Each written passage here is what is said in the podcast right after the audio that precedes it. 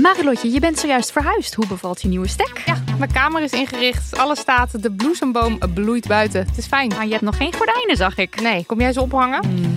Maar het ding is dus, desondanks alles slaap ik als een koningin dankzij mijn matras van Emma Sleep. Een prinses zonder ert ben jij. Al leg je een ert onder mijn matras, ik denk niet dat ik er last van heb, want het is een hemelsding. En dan heb ik ook nog mijn Emma Diamond Pillow. Jouw slaapkamer is een slaapparadijs. Wil jij dat nou ook? Ga naar emma-sleep.nl en daar vind je moederdag sale met kortingen die oplopen tot wel 50%. En met de code DAMNMONEY aan elkaar uh, komt daar nog eens 10% extra korting bovenop.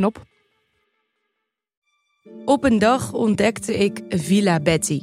Het grootste en het duurste huis van Amsterdam. Ik had het jarenlang over het hoofd gezien. Maar mijn buurman Kees niet.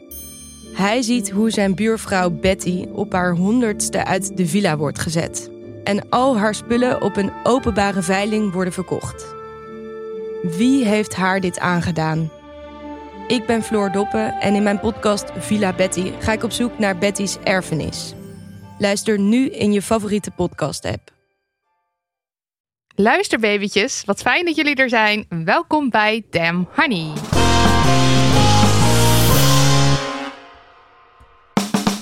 De podcast over shit waar je als vrouw van deze tijd mee moet dealen. Mijn naam is Marilotte. En ik ben Lydia. Dit is aflevering 87. En eerst even een huishoudelijke mededeling. We gaan het theater in met de podcast.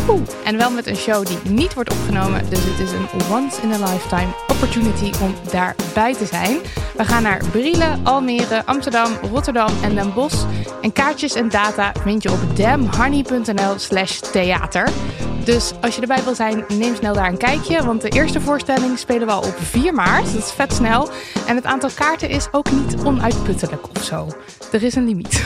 Er is een limiet, ja. Dan door naar de aflevering. In onze rubriek We moeten het even hebben over snijden we deze aflevering een zwaar maar belangrijk onderwerp aan. En dat is namelijk partnergeweld. Dat doen we samen met Tessel ten Zwegen. En Tessel is één hallo. Tessel is een van de oprichters van het feministisch collectief Pisswife. Ben je nog actief daar? Nee, ik ben gestopt. maar ik heb het wel opgericht. Precies, het wel opgericht. En dat, daar, daar mag je de credits voor krijgen. Uh, en waarom je hier vandaag zit, je bent de auteur van het pas verschenen boek Dat zou jij nooit toelaten. En daarin beschrijf je hoe je zelf slachtoffer werd van partnergeweld.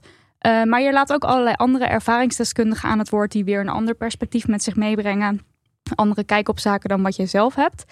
Uh, en je geeft de lezer allemaal feministische lessen mee. Mm -hmm. En het is een, een prachtig boek. Het is een belangrijk boek. Um, ja, je zou bijna zeggen iedereen moet het lezen, maar ja, zelf weten. Zelf weten maar we hopen wel dat het heel veel mensen bereikt. En uh, ja, vandaag dus met jou over dit onderwerp praten. Welkom. Ja, dankjewel. Super fijn dat je er bent. Ja.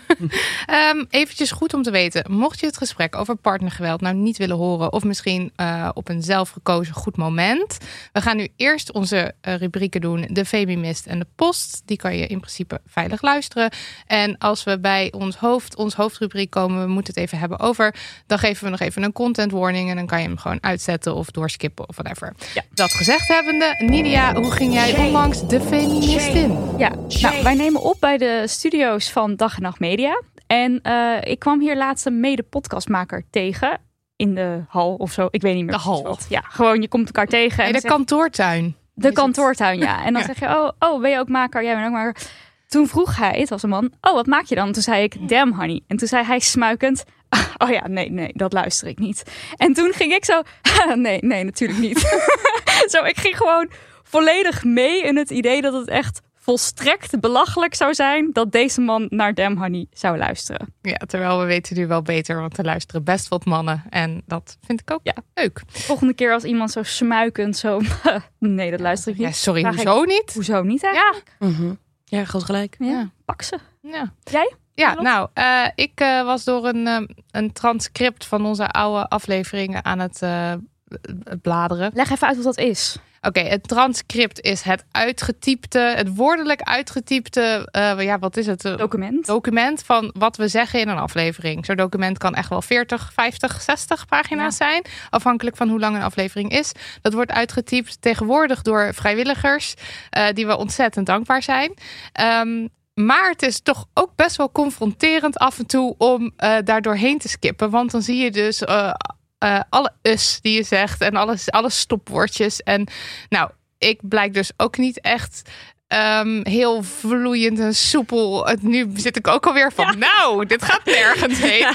Vloeiend en soepel allemaal zinnen te maken. En uh, ik ben me daar normaliter al best bewust van. Maar goed, ik heb me daar ook overheen gezet. Want dat moet natuurlijk wel, anders kan je niet een podcast hosten.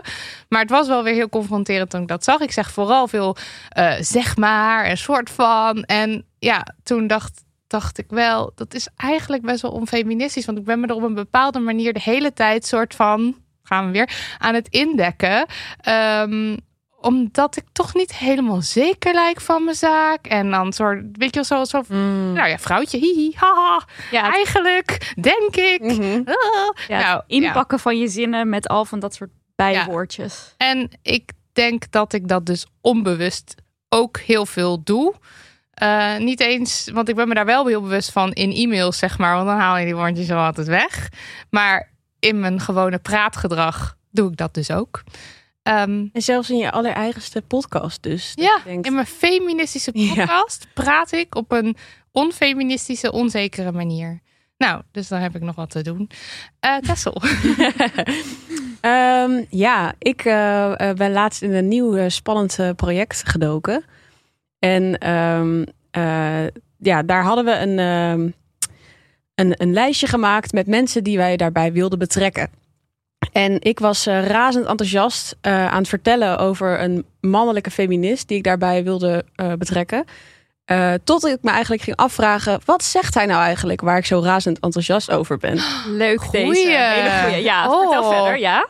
En toen ik dat een beetje ging ontleden, kwam ik er eigenlijk achter dat absoluut niets dat hij zegt niet eerder is gezegd door een vrouwelijke feminist. Dus toen dacht ik, waarom ben ik hier zo van onder de indruk? Oh. En zo kwam ik er eigenlijk achter dat ik zelfs in feminisme, het enige op de wereld wat niet om mannen zou moeten draaien. En mannen uh, ja, toch weer er makkelijk vanaf laat komen. En gewoon super easily impressed ben. Ja, het is gewoon een soort van op het moment dat een man zich of iets feministisch zegt of zich feminist noemt, dan zit jij al, nou ja, allemaal misschien wel. Oh ja, wat goed. Ja, oh god. Precies. Nou, de bare minimum. De bare minimum. Ja. dus ik was weer eens lekker de bare minimum aan het uh, applaudisseren. Echt een hele goeie. Tijd voor post. Tijd voor post. Tijd voor post. Post. Post. post. En nu natuurlijk eerst een leuk bericht. En dat gaat zo. En dat gaat. Lieve Nidia en Marilotte, ik had echt even een damn honey yes. Inleiding. Ik ben al 13 jaar samen met mijn vriend en na al die jaren heb ik nog steeds een fijn seksleven. Ooit in een ver, ver verleden heb ik een bunny vibrator gekocht op zo'n upperwear party. Maar ik was nooit mega enthousiast en toen ik mijn vriend ontmoette ben ik al snel de bunny uit het oog verloren en heb ik die weggedaan. Na het horen van de aflevering over sextoys was ik toch even nieuwsgierig naar alle goede reviews van jullie. Ik vond het spannend om zomaar ineens een sextoy te bestellen, ook omdat we eigenlijk nooit praten over masturberen.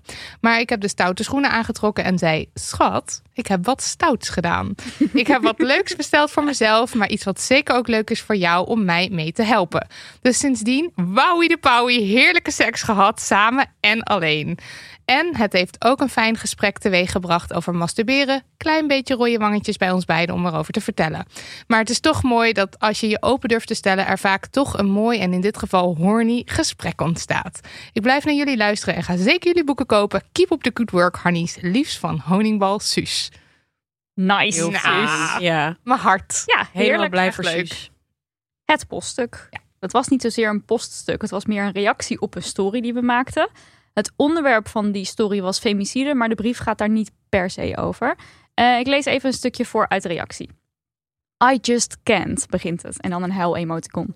Echt, in dit soort gevallen, en dan verwijst degene die deze DM stuurde dus naar femicide, groeit mijn haat en minachting naar mannen zo erg. Vrouwen zijn nooit veilig. Het zorgt er bij mij voor dat ik zelfs een hekel krijg aan mijn eigen mannelijke partner, omdat hij tot hetzelfde geslacht behoort, die van een cisman.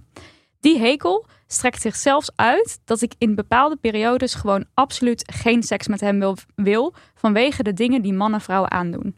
Het klinkt misschien vreemd, maar het roept zo'n afkeer op. Ik kan echt ook een soort indirect boos op hem zijn, terwijl het de allerliefste en fijnste persoon is. Hij heeft zich bijvoorbeeld destijds aangemeld als abortusbuddy. En ik ben al elf jaar met hem samen. Ik praat ook veel met hem over dit soort thema's, maar dan nog.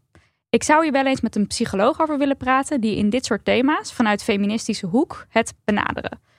Eh, alle tips zijn welkom. Ja, nou is het niet dat ik. Ik heb persoonlijk geen tip voor een psycholoog. Maar ik dacht, het is wel misschien eens interessant om het over deze gevoelens en afkeer te hebben. Ja, want dit is denk ik het soort mannenhaat wat we eerder ook al besproken hebben toen we een podcast opnamen met Pauline Harmange.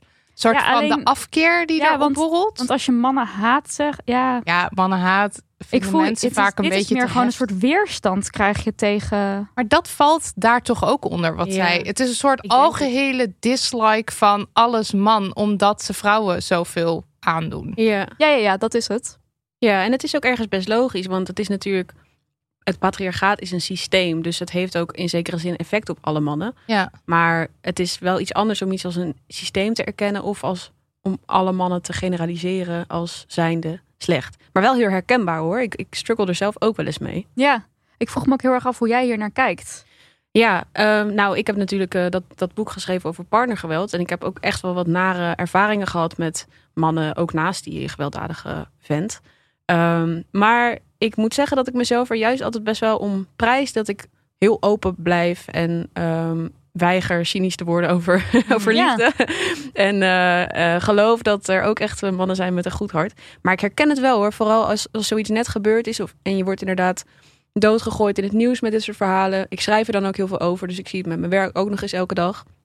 Om dan ehm, ja, met een, eh, met een liefhebbende en open blik naar mannen te blijven kijken, vind ik af en toe best lastig. Ja. Mhm. Ehm, maar ja, ja, gewoon ehm, ja, lief, eh, lief tegen jezelf ook blijven. En jezelf dat soort emoties gunnen. eh, even de ruimte daarvoor nemen. En hopelijk, eh, als je een hele gezonde, fijne relatie hebt, kun je daar misschien ook samen over praten.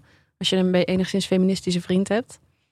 En ehm, ja, dat moet helemaal goed komen. In Ja, ieder geval nooit, eh, niet, nooit cynisch worden en altijd hoop blijven houden.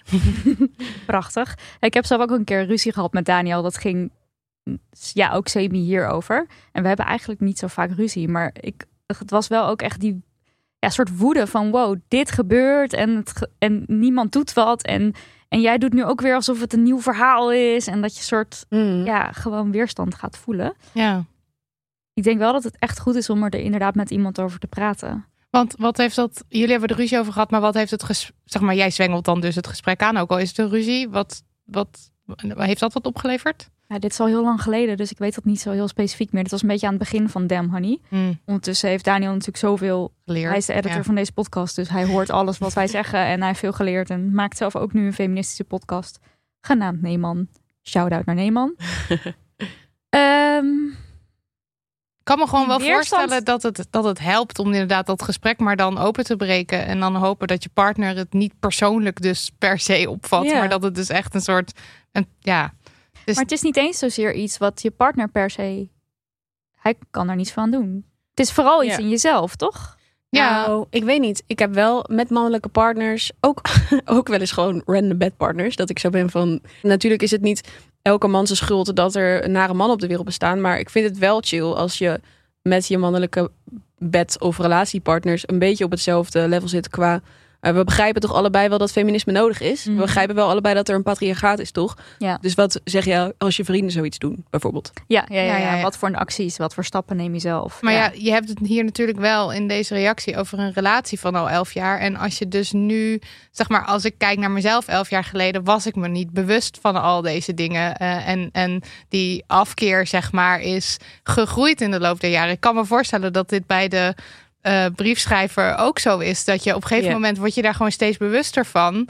En als je partner daar bijvoorbeeld niet in meegroeit, maar deze partner klinkt wel alsof die erin meegroeit, dan is dat natuurlijk lastiger. Want jij, eh Tessel, kan natuurlijk met je deze van tevoren al een soort van kijken, is deze basis gelijk? Maar ja, als je al elf jaar samen bent, Ja. is, is dat misschien niet gelijk opgegaan. Dat kan ook. Ja. Dat is waar. Maar dan heb je wel waarschijnlijk een, een hele veilige. Tenminste, ik maak nu allemaal aannames over deze relatie. Maar Ja. Ja, we Laten we weten ervan natuurlijk ook niet uitgaan. zoveel, ja. dat het een fijne relatie is. Deze relatie heeft al een eh, vruchtbare bodem. eh, en, en weet je wel, communiceert al enigszins over feminisme, dus, dus over abortus. Ja. En ehm, dan hoop ik toch dat je ook daar een gesprek over kunt voeren. Van ik ben me hier anders over gaan voelen. Wat vind jij ervan? Ik merk dat het deze emoties bij me oproept. Want in elke lange relatie ga je op een gegeven moment uh, verschillende kanten op groeien en nieuwe inzichten krijgen en zo. Daar moet je altijd over blijven communiceren. Ja.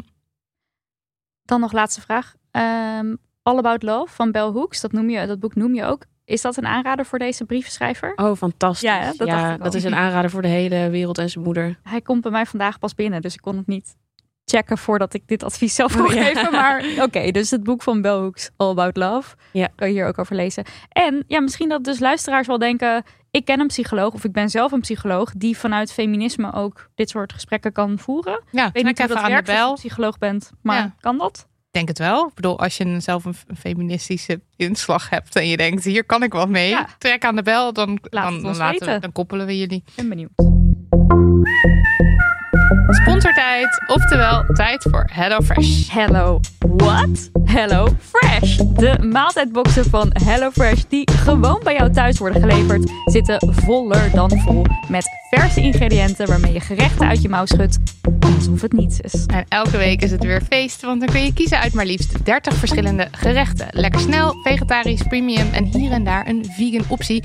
Heerlijk. Ook heerlijk als je partner denkt dat er nog boodschappen moeten gebeuren maar dat je dan kunt zeggen, hoeft niet, want er is HelloFresh. En ja, dat hadden wij dus deze week. Kato stond helemaal in de regelstand.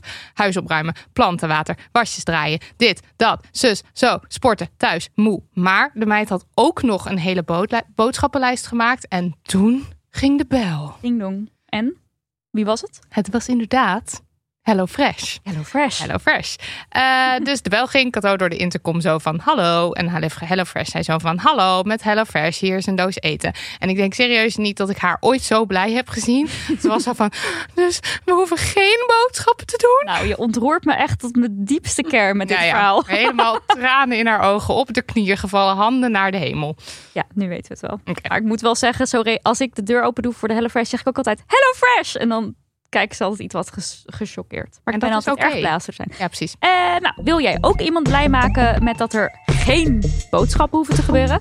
Met de code Hello Damn Honey 75 en dat schrijf je aan elkaar, krijg je tot wel 75 euro korting op je eerste vier boxen. En hoe groter je box, hoe meer korting je krijgt. Oké, de Hello Fresh tune van twee weken geleden zit, en ik overdrijf niet, de hele tijd in ons hoofd. Ik hoop bij jullie ook, want wij gingen voor catchy.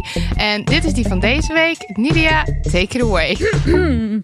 HelloFresh, bedankt voor het onderhouden van onze rela zonder dat we er iets voor hoeven te doen. Behalve dan onze box aanzetten, maar dat is een kwestie van op een knopje drukken. En dat is zo gepiept. Dus bedankt. Ja, ik dacht, ik, ik kies voor een rap thema dit keer. Ja, ja. Schus gewoon uit mijn mouw. 101 bars, hoe?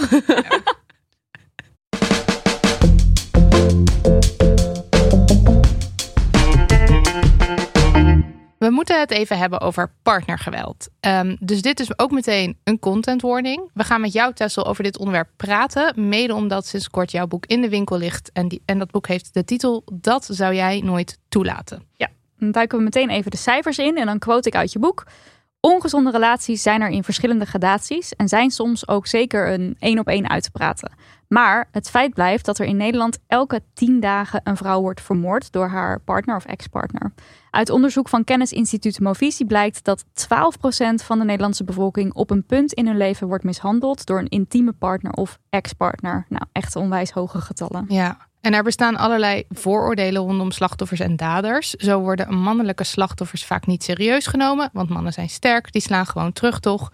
En geweld in lesbische relaties zal vast wel meevallen, want vrouwen zijn toch zo zachtaardig.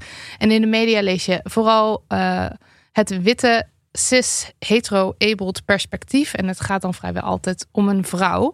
Dus daarom, voordat we jouw verhaal induiken, willen we het eerst even hebben over het eenzijdige beeld dat de media schetsen van slachtoffers van partnergeweld. En dan hebben we dus over wit, cis, hetero-abled en vrouw. Um, jij, uh, Tessel, geeft in je boek een bredere kijk mee. Je laat ook andere mensen aan het woord uh, die ervaringen hebben die jij zelf niet hebt. Um, in welke groepen mensen is de kans hoger om slachtoffer te worden?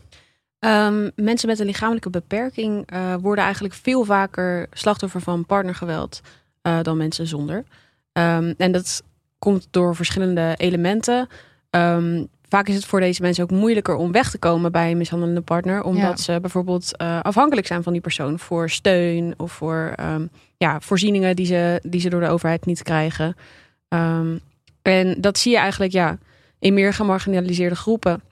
Uh, transpersonen krijgen ook heel veel te maken met intiem geweld. Ehm, veel meer dan cispersonen. Voornamelijk seksueel geweld worden transpersonen heel vaak slachtoffer van. Ehm, ik heb een vrouw, uh, uh, Alejandra Ortiz, um, geïnterviewd voor mijn boek. Die echt haar meest verschrikkelijke ja, momenten met mij heeft gedeeld.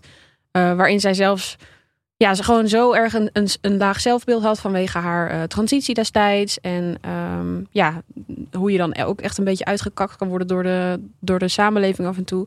Uh, als transvrouw van kleur. Um, dat ze eigenlijk heel erg voor die mm, sociale acceptatie een beetje aan haar uh, gewelddadige partner bleef hangen. Mm. Dus eigenlijk al dat soort identiteiten die gemarginaliseerd worden door de samenleving, maken je nog kwetsbaarder voor partnergeweld. Ja. ja. En het is ook mensen die, die denken dus al heel snel aan seksisme. Zoals partnergeweld is, heeft te maken met seksisme. Maar je moet het dus veel breder trekken dan alleen seksisme. Ja, absoluut. Ik denk partnergeweld heeft sowieso veel te maken met seksisme. Maar het is net zoals alle sociale struggles, is het een intersectioneel iets. En um, uh, in Alejandra's geval bijvoorbeeld, uh, zij was dus een transvrouw, maar ook een vrouw van kleur. Um, ze uh, was destijds ongedocumenteerd.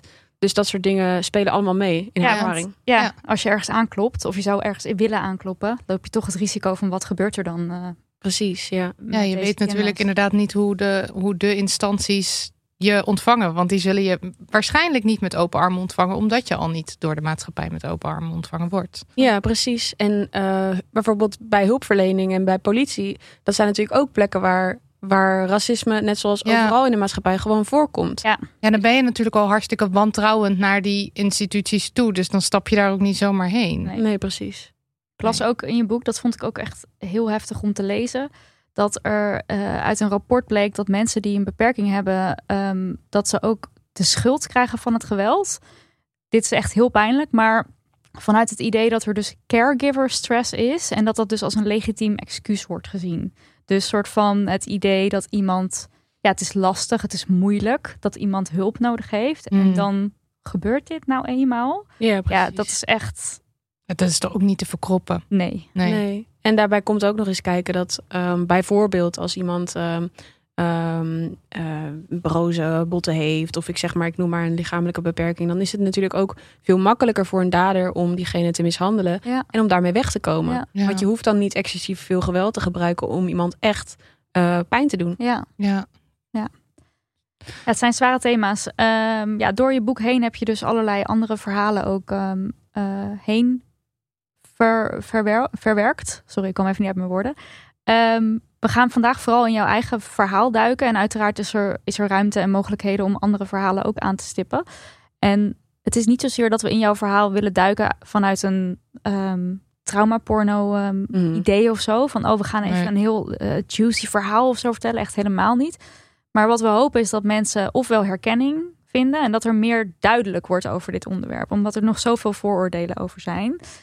Uh, dus laten we beginnen bij het begin.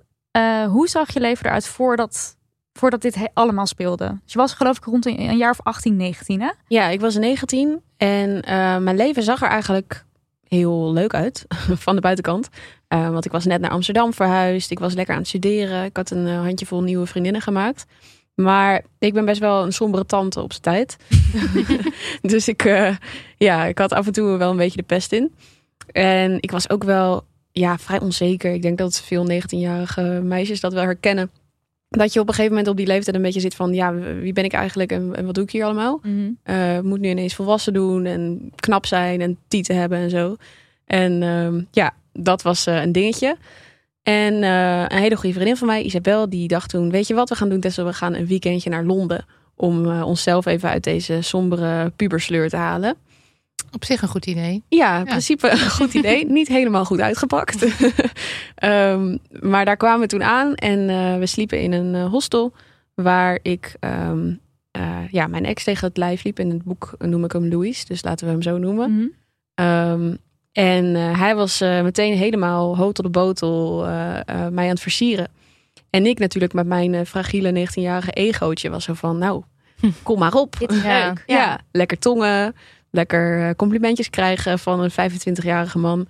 Ik dacht, toetoe. Ja. kon jou opvegen. Ja. Je schrijft ook in je boek dat je wel heel erg hield ook van de romantische, romantische films. En, en het, eh, je was verliefd op de liefde eigenlijk. Ja, nog steeds hoor. Ik ben echt super zoetsappig. Het is echt goor eigenlijk. Wel fijn dat je dat nog steeds hebt. Ja. Ja. ja. En ehm, ja, na dat eh, weekendje Londen dacht ik, nou, die eh, zien we nooit meer terug. Maar toen zat hij ineens in mijn Facebook Messenger eh, app. Ik kreeg zo'n eh, notificatie met een eh, lief berichtje van... ehm, ja, ik wil eigenlijk wel eh, je nog een keer zien Mhm. en zal ik langskomen. Nou, toen was ik natuurlijk al helemaal op een roze wolkje aan het zweven. Want ja, ik dacht echt... Ik ging meteen Ja. naast mijn schoenen lopen. Helemaal speciaal voor jou. Liefde van je leven gevonden. Dit werd het. Dit, dit was hem. Ja. Precies, ja. Ehm, en toen ehm, zei hij na een tijdje dat hij een baan aangeboden gekregen had in Amsterdam. En dat hij dat wel zag zitten, omdat hij er al langer over na zat te denken om naar Amsterdam te verhuizen of überhaupt in het buitenland. En eh, of hij dan een weekje bij mij mocht wonen voordat hij een eigen appartementje had gevonden. Hm. Dat was de deal. Dat was de deal. En ik dacht, Prima. natuurlijk, Ja. Let's go. Eh, maar dat eh, gebeurde niet. Na een week ging hij niet weg. En ehm, ja, dat eh, is het begin eigenlijk van Ja. een hele nare relatie. En het was ook niet alsof jij op een, in een ruim appartement woonde of zo. In een ruim huis. Het was echt meteen best wel heel dicht op elkaar. Ja, in een krappe studentenstudio Ja. in Amsterdam-Oost eh, zaten we best wel op elkaars lip. En eh, ja, dat, dat ging eigenlijk al heel snel, was het niet zo fijn. En merkte ik ook wel heel erg van, ik wil eigenlijk echt mijn eigen ruimte weer terug. En ja, het was gewoon eh, natuurlijk super intens om iemand die je net Ja. hebt ontmoet ineens in je huisje te hebben. En ehm, elke dag samen te zijn en samen te slapen. Ehm, dus ja, dat, dat was een beetje de setting. En toen, ja, het begon, wat ik al zei in, in, de inleiding van het boek.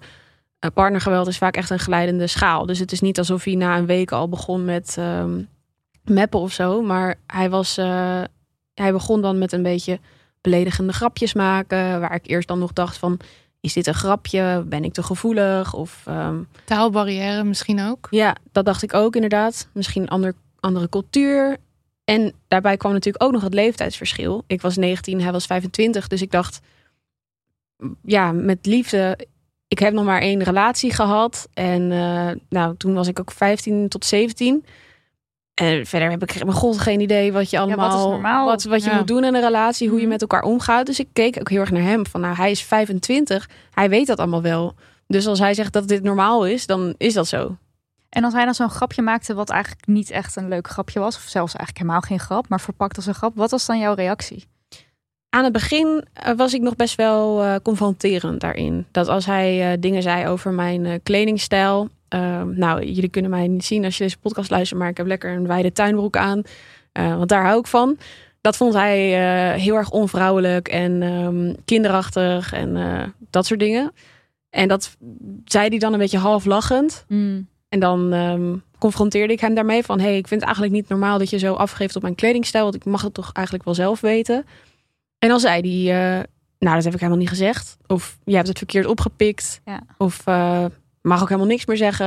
Het was maar een grapje. Ja. Alle classics. Precies. Ja. En dit, eh, dit fenomeen wat je nu beschrijft, dat heet eh, gaslighting. Gewoon Precies. een beetje doen alsof jij het verkeerd verstaan hebt. Alsof jij het niet begrepen hebt. eh, Alsof jij degene bent die eigenlijk, nou ja... Ja, maar je gaat ook is. aan jezelf twijfelen. Want Ja. als iemand zegt, ik heb dat niet gezegd. Dan denk je, Huh? heb ik dat niet gezegd? Of heb ik het nou verkeerd begrepen?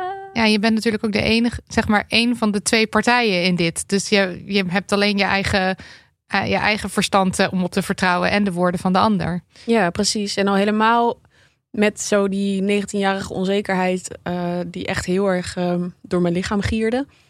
was ik daar heel gevoelig voor. Ja. Ja. Dat, dat begrip gaslighting, dat komt trouwens uit een film. Dat weet, weten mensen misschien niet. Wil je kort uitleggen wat het idee van die film is? Ja, het is een hele oude film. Eh, eh, Gaslight heet hij ook. En ehm, daarin ehm, is er een stel. En ja, de, de vrouw van het eh, hetero-stel... die denkt op een gegeven moment dat ze gek wordt... omdat het lijkt alsof haar huis steeds een beetje gaat schemeren... of dat de lampen ehm, uitgaan, bijna. En eh, haar man die zegt tegen haar... nou, ik weet niet waar je het over hebt. Je moet, je moet eh, jezelf even laten nakijken... want er klopt eh, iets niet. Er is helemaal niks met die lamp aan de hand. Terwijl hij zelf degene is die de gaslampen... vandaar gaslight de hele tijd eh, dempt. Dus Ja. daar komt het, de term vandaan. Ja, ja. Ik vind het ook een heel goed sprekend voorbeeld. ja. Als je het even wil uitleggen. Dan zie je het wel echt enorm voor je. Ja. Ja. Oké, dus het begon met eh, gaslighting. En eh, met jou de hele tijd vertellen eh, dat je het niet goed begreep. En, en toen? Ehm, op den duur begon hij ook steeds meer ehm, controle over mij eh, te ja, proberen te krijgen. Dus waar ik dan met vriendinnen ging afspreken of vaak met mijn ouders ehm, wat ging doen, dan had hij daar ook altijd iets over te zeggen. Zo vond hij het heel kinderachtig als ik vaak naar mijn ouders toe ging, want je bent nu toch een volwassen meid en je hoeft toch niet meer elk weekend naar je ouders. En ehm, op een gegeven moment werd ook mijn biseksualiteit tegen mij gebruikt. Ehm, een goede vriendin waar ik vaak bij bleef logeren, dat vond hij ineens heel raar. Want hij was zo van, ja, jij bent biseksueel, dus hoe eh, moet ik er nou eh, op kunnen vertrouwen, zeg maar, dat jij niet met die vriendin ligt uh, rampetampen.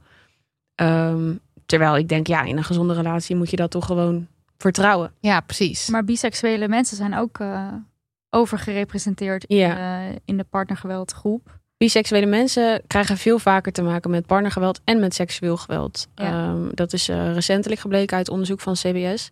En eh, toen dat uitkwam, toen dacht ik ook, wauw, dat is zo in lijn met wat ik heb meegemaakt. Ja, Ehm, die jaloezie van hem de hele tijd. En inderdaad zo'n beeld van eh, biseksuele mensen kunnen niet monogaam zijn of gaan met iedereen naar bed. Ja, die hebben, hebben altijd zin en die willen iedereen. Maar en, en, en als hij dat tegen jou zei, wat dacht je dan van, oh ja, het is misschien ook wel niet zo prettig voor hem? Of Nee, ja, eerst werd ik daar wel boos om, omdat ik gewoon ehm, dacht van ja, dat is bifobisch. ja, Ehm, maar daar was je dus wel ook al. maar daar was je al mee bezig. dat- Daar was ik wel al mee Ja. bezig. Ja. Ja. daar was ik wel mee bezig.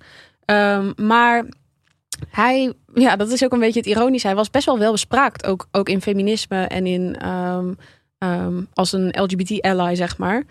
Eh, Wel gevaarlijk. ja, dat is echt Heel. bijzonder. Maar Ja. dat, dat, dat leefde echt, eh, dat was echt parallel aan elkaar gewoon. We konden echt gesprekken hebben over feminisme en dan eh, in dezelfde avond konden we dus echt slaande ruzie hebben. Dus dat was het, maakt het voor mij ook veel moeilijker om te plaatsen Ja, van eh, wat is dit nou voor vent en wat vindt hij nou eigenlijk en waarom ja, zit er zo'n enorme afstand tussen wat hij zegt en wat hij doet. Ehm, maar ja, hij, op een gegeven moment vond ik het ook wel zielig of zo. Dacht ik van, oh ja, nou ja, hij is nu mijn partner blijkbaar, want hij woont in mijn huis. En eh, hij voelt zich blijkbaar ehm, ja, bedreigd door mijn vriendinnen en voelt zich onzeker. En eh, ja, ik wil natuurlijk niet dat mijn partner zich onzeker voelt in een relatie. Dus ik dacht, oké, nou ja, als jij, eh, ja, als jij je daar naar door voelt, dan wil ik dat wel niet meer doen. ja. Ehm, En zo ga je dan eigenlijk mee in, het in dat isolatieproces. ja, precies. Ja. ja, dat is ook een groot deel van, van gaslighting natuurlijk. Echt irreële eh, eisen stellen. En dan als iemand eigenlijk zegt van... ik weet het niet helemaal of ik daar wel mee eens ben. Zeggen van, maar je geeft toch om me. En Mm. eh, je moet dankbaar zijn dat ik helemaal vanuit Londen naar hier ben gekomen. Dat was natuurlijk ook echt wel een, eh, een troef die die Absoluut. ja, goed kon spelen. ja. Ja, ook omdat je natuurlijk in, eer- in de eerste instantie dacht... wow, hij komt helemaal vanuit Londen naar mij toe. Ja, precies. Ja. Dus ik was daar erg gevoelig voor. En eh, ja, ben toen in heel veel van zijn grillen meegegaan. Ja, Ja, en bij dat isoleren, daar schrijf je ook over dat die intersectionele kijk daar ook belangrijk is om dat mee te nemen. Want als je dus te maken hebt met racisme of validisme of noem het op, dan is het dus nog moeilijker om daaruit Ja, los te breken. Absoluut. Ik had nog heel veel eh, vriendinnen om me heen en familieleden die af en toe aan de bel trokken van... hey, we hebben al een tijdje niks van je vernomen, hoe gaat het? Maar ja, bijvoorbeeld iemand die ongedocumenteerd is Mhm. eh, en afhankelijk is... bijvoorbeeld voor een visum van dienstpartner... Ehm, ja, die zit met de gebakken peren. Als je eh, je familie in het buitenland woont, dan ben je hier een beetje op jezelf aangewezen. Als je een taalbarrière ervaart, kun je natuurlijk ook niet om hulp vragen. Dus zelfs in, in eh, sociale isolatie, wat maar één deel is, één aspect is van partnergeweld, is intersectionaliteit ook heel belangrijk om Ja. mee te nemen. ja. Wat, waar je ook over schrijft, is het, het financiële stuk, dat hij daar eigenlijk ook misbruik van jou maakt. Ja, ja, dat is wel. ehm, financieel geweld is meestal wel echt veel eh, eh, grootser hoor. Dus Hmm. het is een beetje. Ik heb, ik heb dat er een beetje eh, daar in dat deel van het verhaal gehangen. Omdat het inderdaad wel zo was dat hij vaak eh, gewoon mee had van mijn boodschappen. En ehm, ehm, ja, wat dat betreft, het natuurlijk heel raar eh, dat je als 25-jarige Ja. man bij een 19-jarige student gaat inwonen. En dan ehm, van haar studentensalarisje gaat eh, meeleven. Hij zei toch ook dat hij werk had, maar ergens dacht jij, is dat zo? Want hij ging nooit weg. Ja, ja hij, tot op de dag van vandaag weet ik nog steeds niet wat er nou allemaal waar is en wat gelogen Mm. was. Oh ja. Um, maar hij zei inderdaad dat hij dus een baan aangeboden had gekregen en dat hij daarom naar Amsterdam was verhuisd. Maar um, ja, hij zat wel af en toe wekenlang uh, dagen aan in mijn studio. En af en toe was hij dan wel weer ineens weg of was hij ergens met collega's. Dus ik was de hele tijd in de war wat, wat nou Ja. de deal was. Maar hij kon in ieder geval alleen maar betalen met Apple Pay. En dat uh, hadden we in 2017 nog niet in Nederland. Nee, Dus, dat eh, las ik. En toen dacht ik, huh? maar dat is een hele snelle ontwikkeling geweest, denk ik. Want nu Ja. is dat allemaal wel. Maar dat is Maar dat ook was- weer zo'n goed, goed excuus. Ja, Ja. want anders had hij wel iets anders bedacht, denk ik. Ja, ik weet het nog steeds niet wat daar Nee. precies het deal was. Het was in ieder geval heel dubieus. Want ook, ja, je, je gaat toch op zijn minst je pinpas meenemen als je emigreert, lijkt mij. Ja, nou ja. creditcard of zo, Ja. weet ik veel. Gewoon iets Ja. waarmee je kan betalen in het buitenland. Dus Ja. ja, ja. oké. en hij liet jou dan, op het moment dat hij niet met Apple Pay, Apple Pay ergens kon betalen, liet hij jou daarvoor opdraaien. Ja, ja. Nou had ik dat op een gegeven moment wel in de smiezen. En toen heb ik gewoon gezegd, nou, dat doe ik niet meer. En toen ging hij dingen jatten van supermarkten en zo. Maar daar voelde ik me ook heel ongemakkelijk over. Ja. Ehm, maar goed, het was wel een iets later stadium in de relatie. Ik denk de eerste anderhalve maand of zo was het echt nog een beetje die beledigingen en die grapjes en dat soort dingen. Dat ik dacht, hmm, dit valt nog ergens te plaatsen binnen mijn plaatje van een gezonde relatie.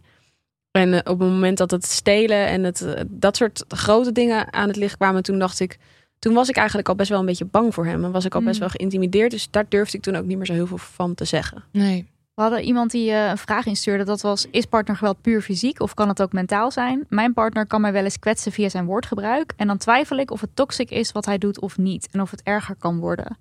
Ja, eh, nou, partnergeweld is sowieso niet alleen maar fysiek. Kan ook psychisch zijn en dus financieel, inderdaad. Ehm, en het is ook lastig om te benoemen. Want ehm, vooral als het alleen psychisch geweld is natuurlijk. Omdat dat zo lastig te... Ja, objectief te bekijken is. Ehm, Ja. En ja, dat is echt aan jou. Ehm, ja. of, of je daar de grens trekt. Ik bedoel, ik heb nu het idee dat ik dat best wel goed kan aanvoelen of zo. Ik hou best wel van een beetje flirterig eh, elkaar plagen of Ja. zo, weet je wel. Ik, ik zeg ook wel eens voor de grap, bullying is my love language. Want ik maak altijd lullige grapjes over mijn vrienden, maar oprecht met de beste bedoelingen. En ik denk dat je zelf het beste kan aanvoelen en ook bepalen, wil ik dit? Ja. En En ik denk dat als jij je niet prettig voelt bij een grap die iemand over je maakt, dan, en je zegt er iets van, dat het belangrijk is dat je je niet geïntimideerd voelt als je dat zegt. Ja. ja, Dan, ik denk dat die energie, zeg maar, heel belangrijk is. Ja, inderdaad. Of je, er, of je er een gesprek over kan voeren en kan zeggen: hé, hey, ik vind het niet chill, wil je het niet meer doen? En daar wordt nou naar geluisterd. Dan is er natuurlijk niet sprake van partnergeweld. Nee. Nee. Maar als iemand zegt van, als iemand je dan gaat gaslighten en zeggen van, jij neemt het verkeerd op en je demoniseert mij en ik mag ook helemaal niks meer. Dat is wel een Ja. ongezonde Dat eh, zou een soort- dynamiek. Teken of een red flag eh, Absoluut, ja. zijn. Op een gegeven moment dan ehm, gaat het over ook in fysiek geweld. Mhm. Eh, hoe, hoe ging dat? Ook heel geleidelijk, ehm, stap voor stap.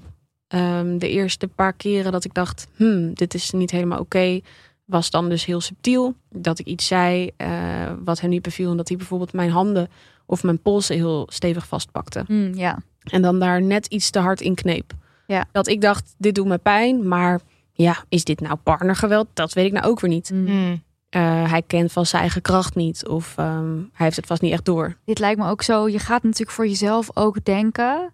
Ik zit niet in deze situatie, want je bedenkt niet van jezelf dat je ooit in zo'n situatie terechtkomt. Mhm. En dan ga je dus inderdaad denken: oh, hij, hij bedoelt het niet zo bij zo'n grap. En oh, maar hij kent zijn kracht niet. En zo ben je eigenlijk continu ook jezelf Maar het is een ander verhaal aan het vertellen. Het is één grote mindfuck. Want als je jouw boek ook leest, zeg maar, dan ja, als je het zo leest achter elkaar, dan denk je, oh ja, ik zie wat hier gebeurt. Manipulatie, isolatie en Heel fysiek, sneaky zo. fysiek geweld. Erg, erg, maar als je erin zit, je, je zit zo in dat proces, dat zie je natuurlijk niet wat Nee. daar aan de hand is. Nee, nee en, en ik ben ook best wel ingesteld op woorden of zo. Dus als iemand dan tegen je zegt van... Oh, je bent zo leuk en ik ben zo verliefd op je. En dan, eh, weet je, een half uur later knijpt hij heel hard in je polsen. Dan past het ook niet binnen dat narratief wat je in je hoofd hebt. Van Nee. deze persoon vindt mij heel leuk en knap en leuk en lief. eh, maar nu doet hij me pijn. Mhm. Dat is inderdaad niet iets wat dan er logisch op, op, op uitkomt, zeg maar. En ehm, de eerste keer dat er echt een klap viel, waren we allebei heel dronken. Oh ja, dus dan is dat ook weer een soort... Denk je ook, nee, we waren dronken. Precies, ja. De volgende ochtend uh, confronteerde ik hem daarmee van... hé, hey, ehm, ik heb een blauwe plek op mijn schouder en ik kan me vaak herinneren dat dit is gebeurd. En hij was helemaal ehm, in shock. En uh, oh, dat uh, heb ik nog nooit gedaan. Het is zo erg. Het kan Mm. echt niet. Het spijt me zo. Nou ja, eh, ja, dat is ook aannemelijker en ook fijner om te geloven. Tuurlijk, ja. Dan dit is een gewelddadige relatie nu. ja. Maar de keer daarop dat er geweld gebeurt en je denkt, oké, er is dus sprake van geweld, dan voel je je dom. Want dan kijk je achterom naar al die keren dat je het hebt weggewuifd en hebt geëxcuseerd en hebt goed gepraat in je hoofd en denkt, wauw, wat ben ik dom dat ik Mm. dit al zo vaak heb toegelaten, tussen Ja. aanhalingstekens, en dat ik hier nu, nu zit. En dan komt er dus ook veel schaamte bij kijken. Kon je daar iets mee? Ehm, ja, ik, ik weet niet zo goed. Ik denk de eerste keer dat er echt een, klap viel, dus echt geweld was, eh, wat niet meer te excuseren viel in mijn hoofd, ben ik echt een beetje in een staat van shock eh, beland. Eh, ik kon zelfs toen niet echt plaatsen of er toen sprake was van schaamte of wat dan ook. Ik ben toen echt, denk ik, een aantal weken gewoon een beetje op vakantie geweest in mijn hoofd. Voor de uitgegaan eigenlijk. Helemaal. Ik was echt Mm. totaal op de automatische piloot. Want ja, hij zat natuurlijk in mijn huis. Ja. Elke dag. Ehm, er was niet echt ruimte voor mij om na te denken in mijn eentje. Zonder dat hij ja, daar in de buurt was. Weet je wel. Ik Mhm. was de hele tijd bezig ook in mijn hoofd met waar in de studio is hij. Ik was aan het luisteren van wat hoor ik als ik, als ik niet naar hem keek. Ik was de hele tijd bezig met de, de dreiging lokaliseren, zeg maar. Mm. Dus ik was echt niet toen rationeel aan het nadenken. Nee, dat is een soort fight of flight rea- reactie Ja. die dan soort permanent aanstaat. En als je naar buiten gaat, dan ben je bezig met je omgeving. En dat manage je natuurlijk. Ja. Het wat zeg je en wat niet. En was er, eh, werd er eh, in jouw omgeving gevraagd naar partnergeweld in jouw relatie? Zeg maar, werden daar Nee, wacht, misschien voor het partnergeweld viel het mensen op dat jij een soort was uitgezoond. uitgezoond? Een beetje wel. Ehm, ik denk dat ik dat wel een beetje verbloemde ook. Maar ik had wel af en toe dat vriendinnen tegen mij zeiden van... wat is er met jou? Je bent Hmm. gewoon je bent een beetje afwezig. Maar dan zei ik, ja, ik heb slecht geslapen. Of eh, weet ik veel, ik heb hoofdpijn. En dan was daarmee de kous af, zeg maar. Mhm. Ehm, dus dat heeft toen volgens mij nog niet echt iemand doorgehad. Ehm, later is er wel een vriendin geweest die me enigszins heeft geconfronteerd. Maar verder niet, eh, nooit echt eh, boven de oppervlakte gekomen. En hoe ging dan die confrontatie? Ehm, nou, dat was de vriendin met wie ik naar Londen was geweest, Isabel. Ehm, wij waren, ehm, nou ja, zij, zij kende hem dus ook. Dus ik probeerde hem bewust ook best wel weg te halen van, houden van mijn vrienden. Omdat ehm, ik al een beetje eh, gevoel had dat zij hem niet zo zouden mogen. En eh, nou, Isabel kende hem al, dus, dus wij gingen dan wel eens eh, chillen met z'n drieën. En op een gegeven moment wilde Louis uit op een avond. Dat wilde hij heel vaak uitgaan. Maar als hij had gedronken of drugs had gebruikt of zo... dan was hij nog verschrikkelijker eigenlijk dan nuchter. Dus ik wilde dat kosten wat het kost vermijden meestal. Maar toen moest ik er toch echt aan geloven. En toen had ik eh, Isabel meegevraagd als een soort van eh, leverage. Een soort vangnet of zo. Een soort vangnet. Ja. Ja. van als het dan uit de hand loopt, dan is hij er in ieder geval bij. Eh, zij wist Dan van durft niks. hij misschien niks te doen. Precies. Ja. Zij wist van niks overigens. Maar goed, toen zijn we met z'n drieën uit geweest. En hij was weer zich totaal aan het misdragen.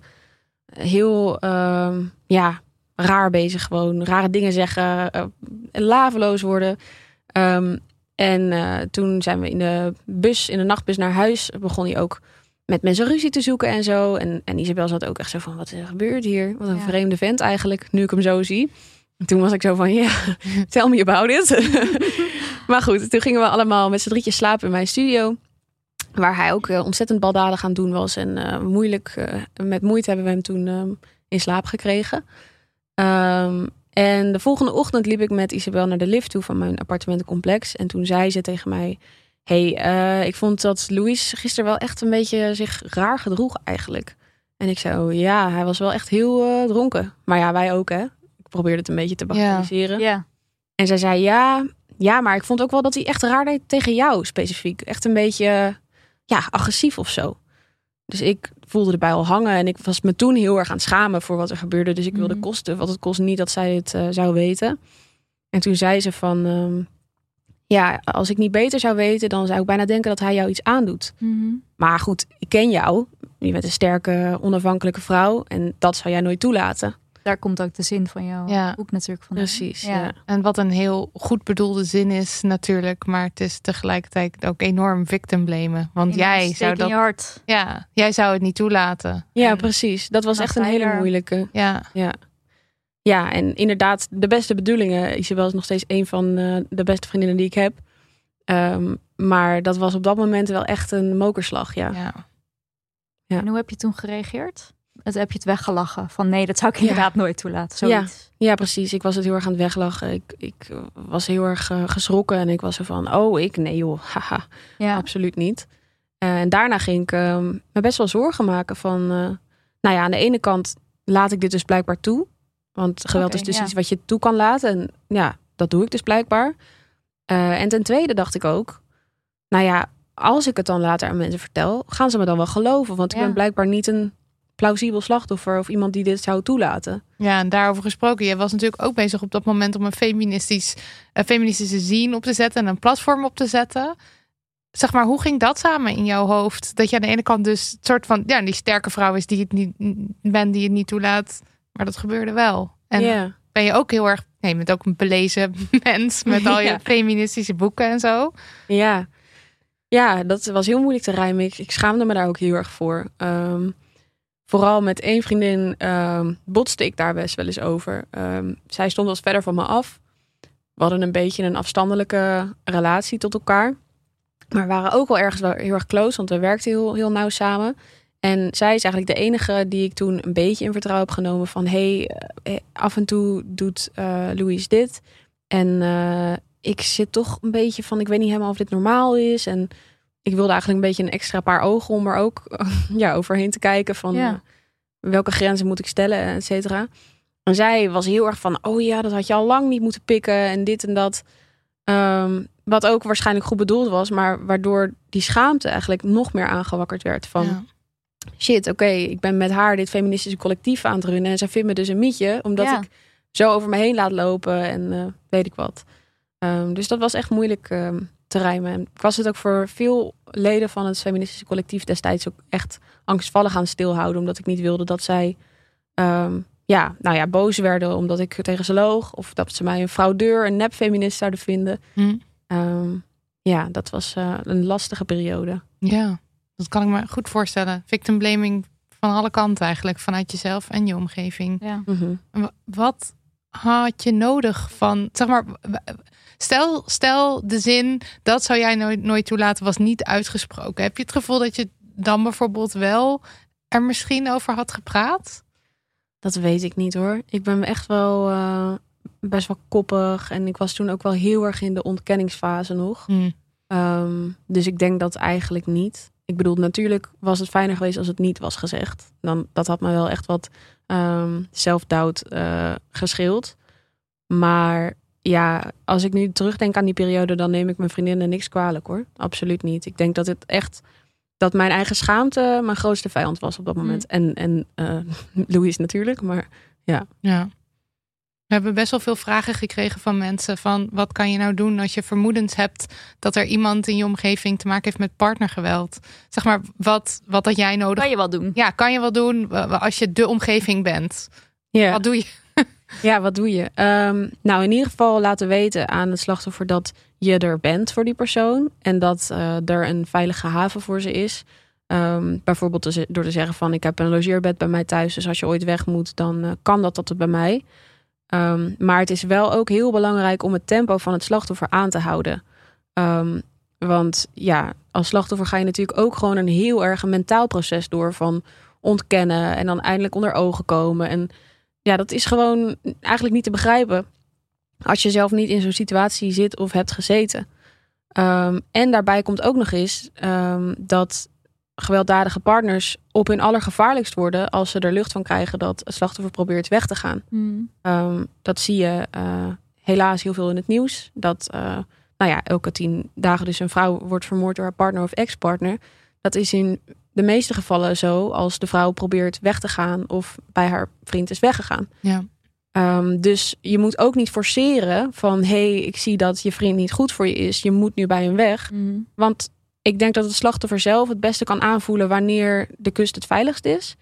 En ehm, ja, als je dat ehm, te snel doet, dan kan dat dus echt hele ja, desastreuze gevolgen hebben. Ja, en als ik jou ook zo hoor van, nou, ik, ik, ik woonde met hem op die studio en ik was me gewoon altijd super bewust van waar hij was en zo. Ja, je, je weet het als mens wat erin zit, denk ik wel het beste in te schatten dan op dat moment. Ja, inderdaad. En ook gewoon ehm, ja, die mentale journey dus. Dat, dat, dat als iemand in de maand waarin ik zeg maar eh, mentaal uitgecheckt was, eh, opeens druk op mij ging zetten om weg te gaan. Dat Ja. was echt niet goed gegaan. Nee. Want ik was, echt tot, ik was echt niet bij zinnen toen. Ik deed alles op de automatische piloot. En ehm, ging me eigenlijk helemaal schikken naar... eh, op een gegeven moment krijg je er heel erg een gevoel voor waar hij boos om gaat worden. Omdat je natuurlijk maandenlang elke dag in dezelfde ruimte zit. En hij om elke, eh, elke vlieg eh, boos wordt. Dus ik ging echt, ehm, alsof het een soort van lichamelijke intuïtie was, ging ik gewoon de dingen doen die hij van me verwachtte. En niet de dingen doen waar hij boos om ging worden. Omdat dat als een soort van tweede natuur aanvoelt op een gegeven Ja. moment. Ja, zelfbescherming. Ja, precies. Dus dan weggaan omdat je druk krijgt van buitenaf.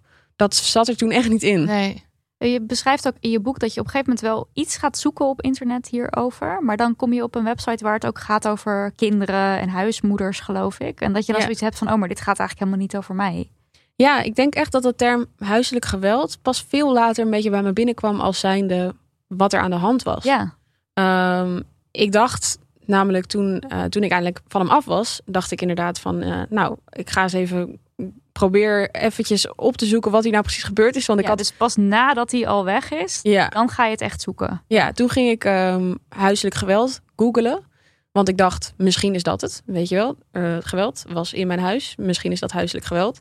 Dus ik ging dat googelen en ik kwam inderdaad op een website waar allemaal foto's van moeders met kinderen me aan aan het gapen waren. En ik zag tekst over kindermishandelingen. Toen dacht ik, hm, nee, dat, dat ben ik niet. Dat is het niet. Nee, dat is het niet. En ja, wij wonen ook eigenlijk officieel niet samen. Zijn naam staat niet op dit contract. We zijn ook maar vier, vijf maanden samen geweest.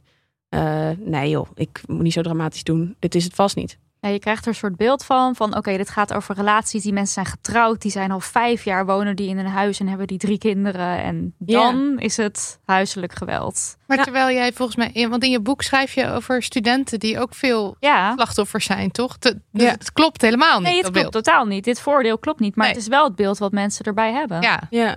ja, het klopt inderdaad totaal niet. En ik had zelf ook dat ik mijn eigen verhaal een beetje ging bagatelliseren. Omdat ik dacht, ik had zo makkelijk weg kunnen gaan. Het was mijn huis. Weet je wel, hij had totaal geen, eh, hij had geen naam op het contract. Dus hij had nul zeggenschap over wat er in die studio gebeurde. Eigenlijk, feitelijk. Eh, maar ja, ze voelde dat natuurlijk niet. nee. Ehm, maar inderdaad, eh, er is vorig jaar pas voor het eerst in Nederland onderzoek gedaan naar partnergeweld onder jongeren. Dat is tot die tijd gewoon totaal onderbelicht gebleven. Waaruit is gebleken dat dat inderdaad juist onder jongeren heel veel voorkomt. Wat ook vrij logisch is, want jongeren zijn nog heel onervaren in de liefde.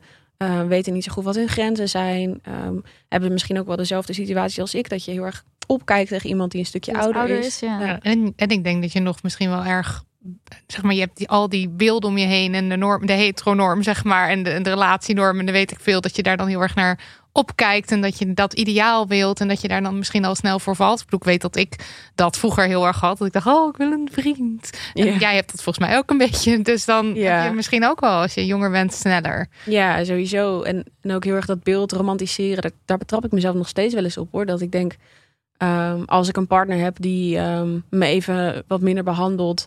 En dan zegt van ja, maar ik struggle met dit en dit in mijn familie. Of dit en dit in mijn mentale gezondheid. Dat ik denk, ik hou van jou en ik wil je helpen. Ja, ik wil jou beter maken. Ja, ik, wil je, ik ga je fixen. Ja. Maar dat is toch ook een vrouwding, het zorgen, Ja, het dat zorgen, zorgen, voor een ja. ander. Ja. En ook wel dat je heel erg aangeleerd krijgt van... ehm, eh, nou één, sowieso je krijgt aangeleerd een hetero-relatie is dat wat je ooit gaat hebben.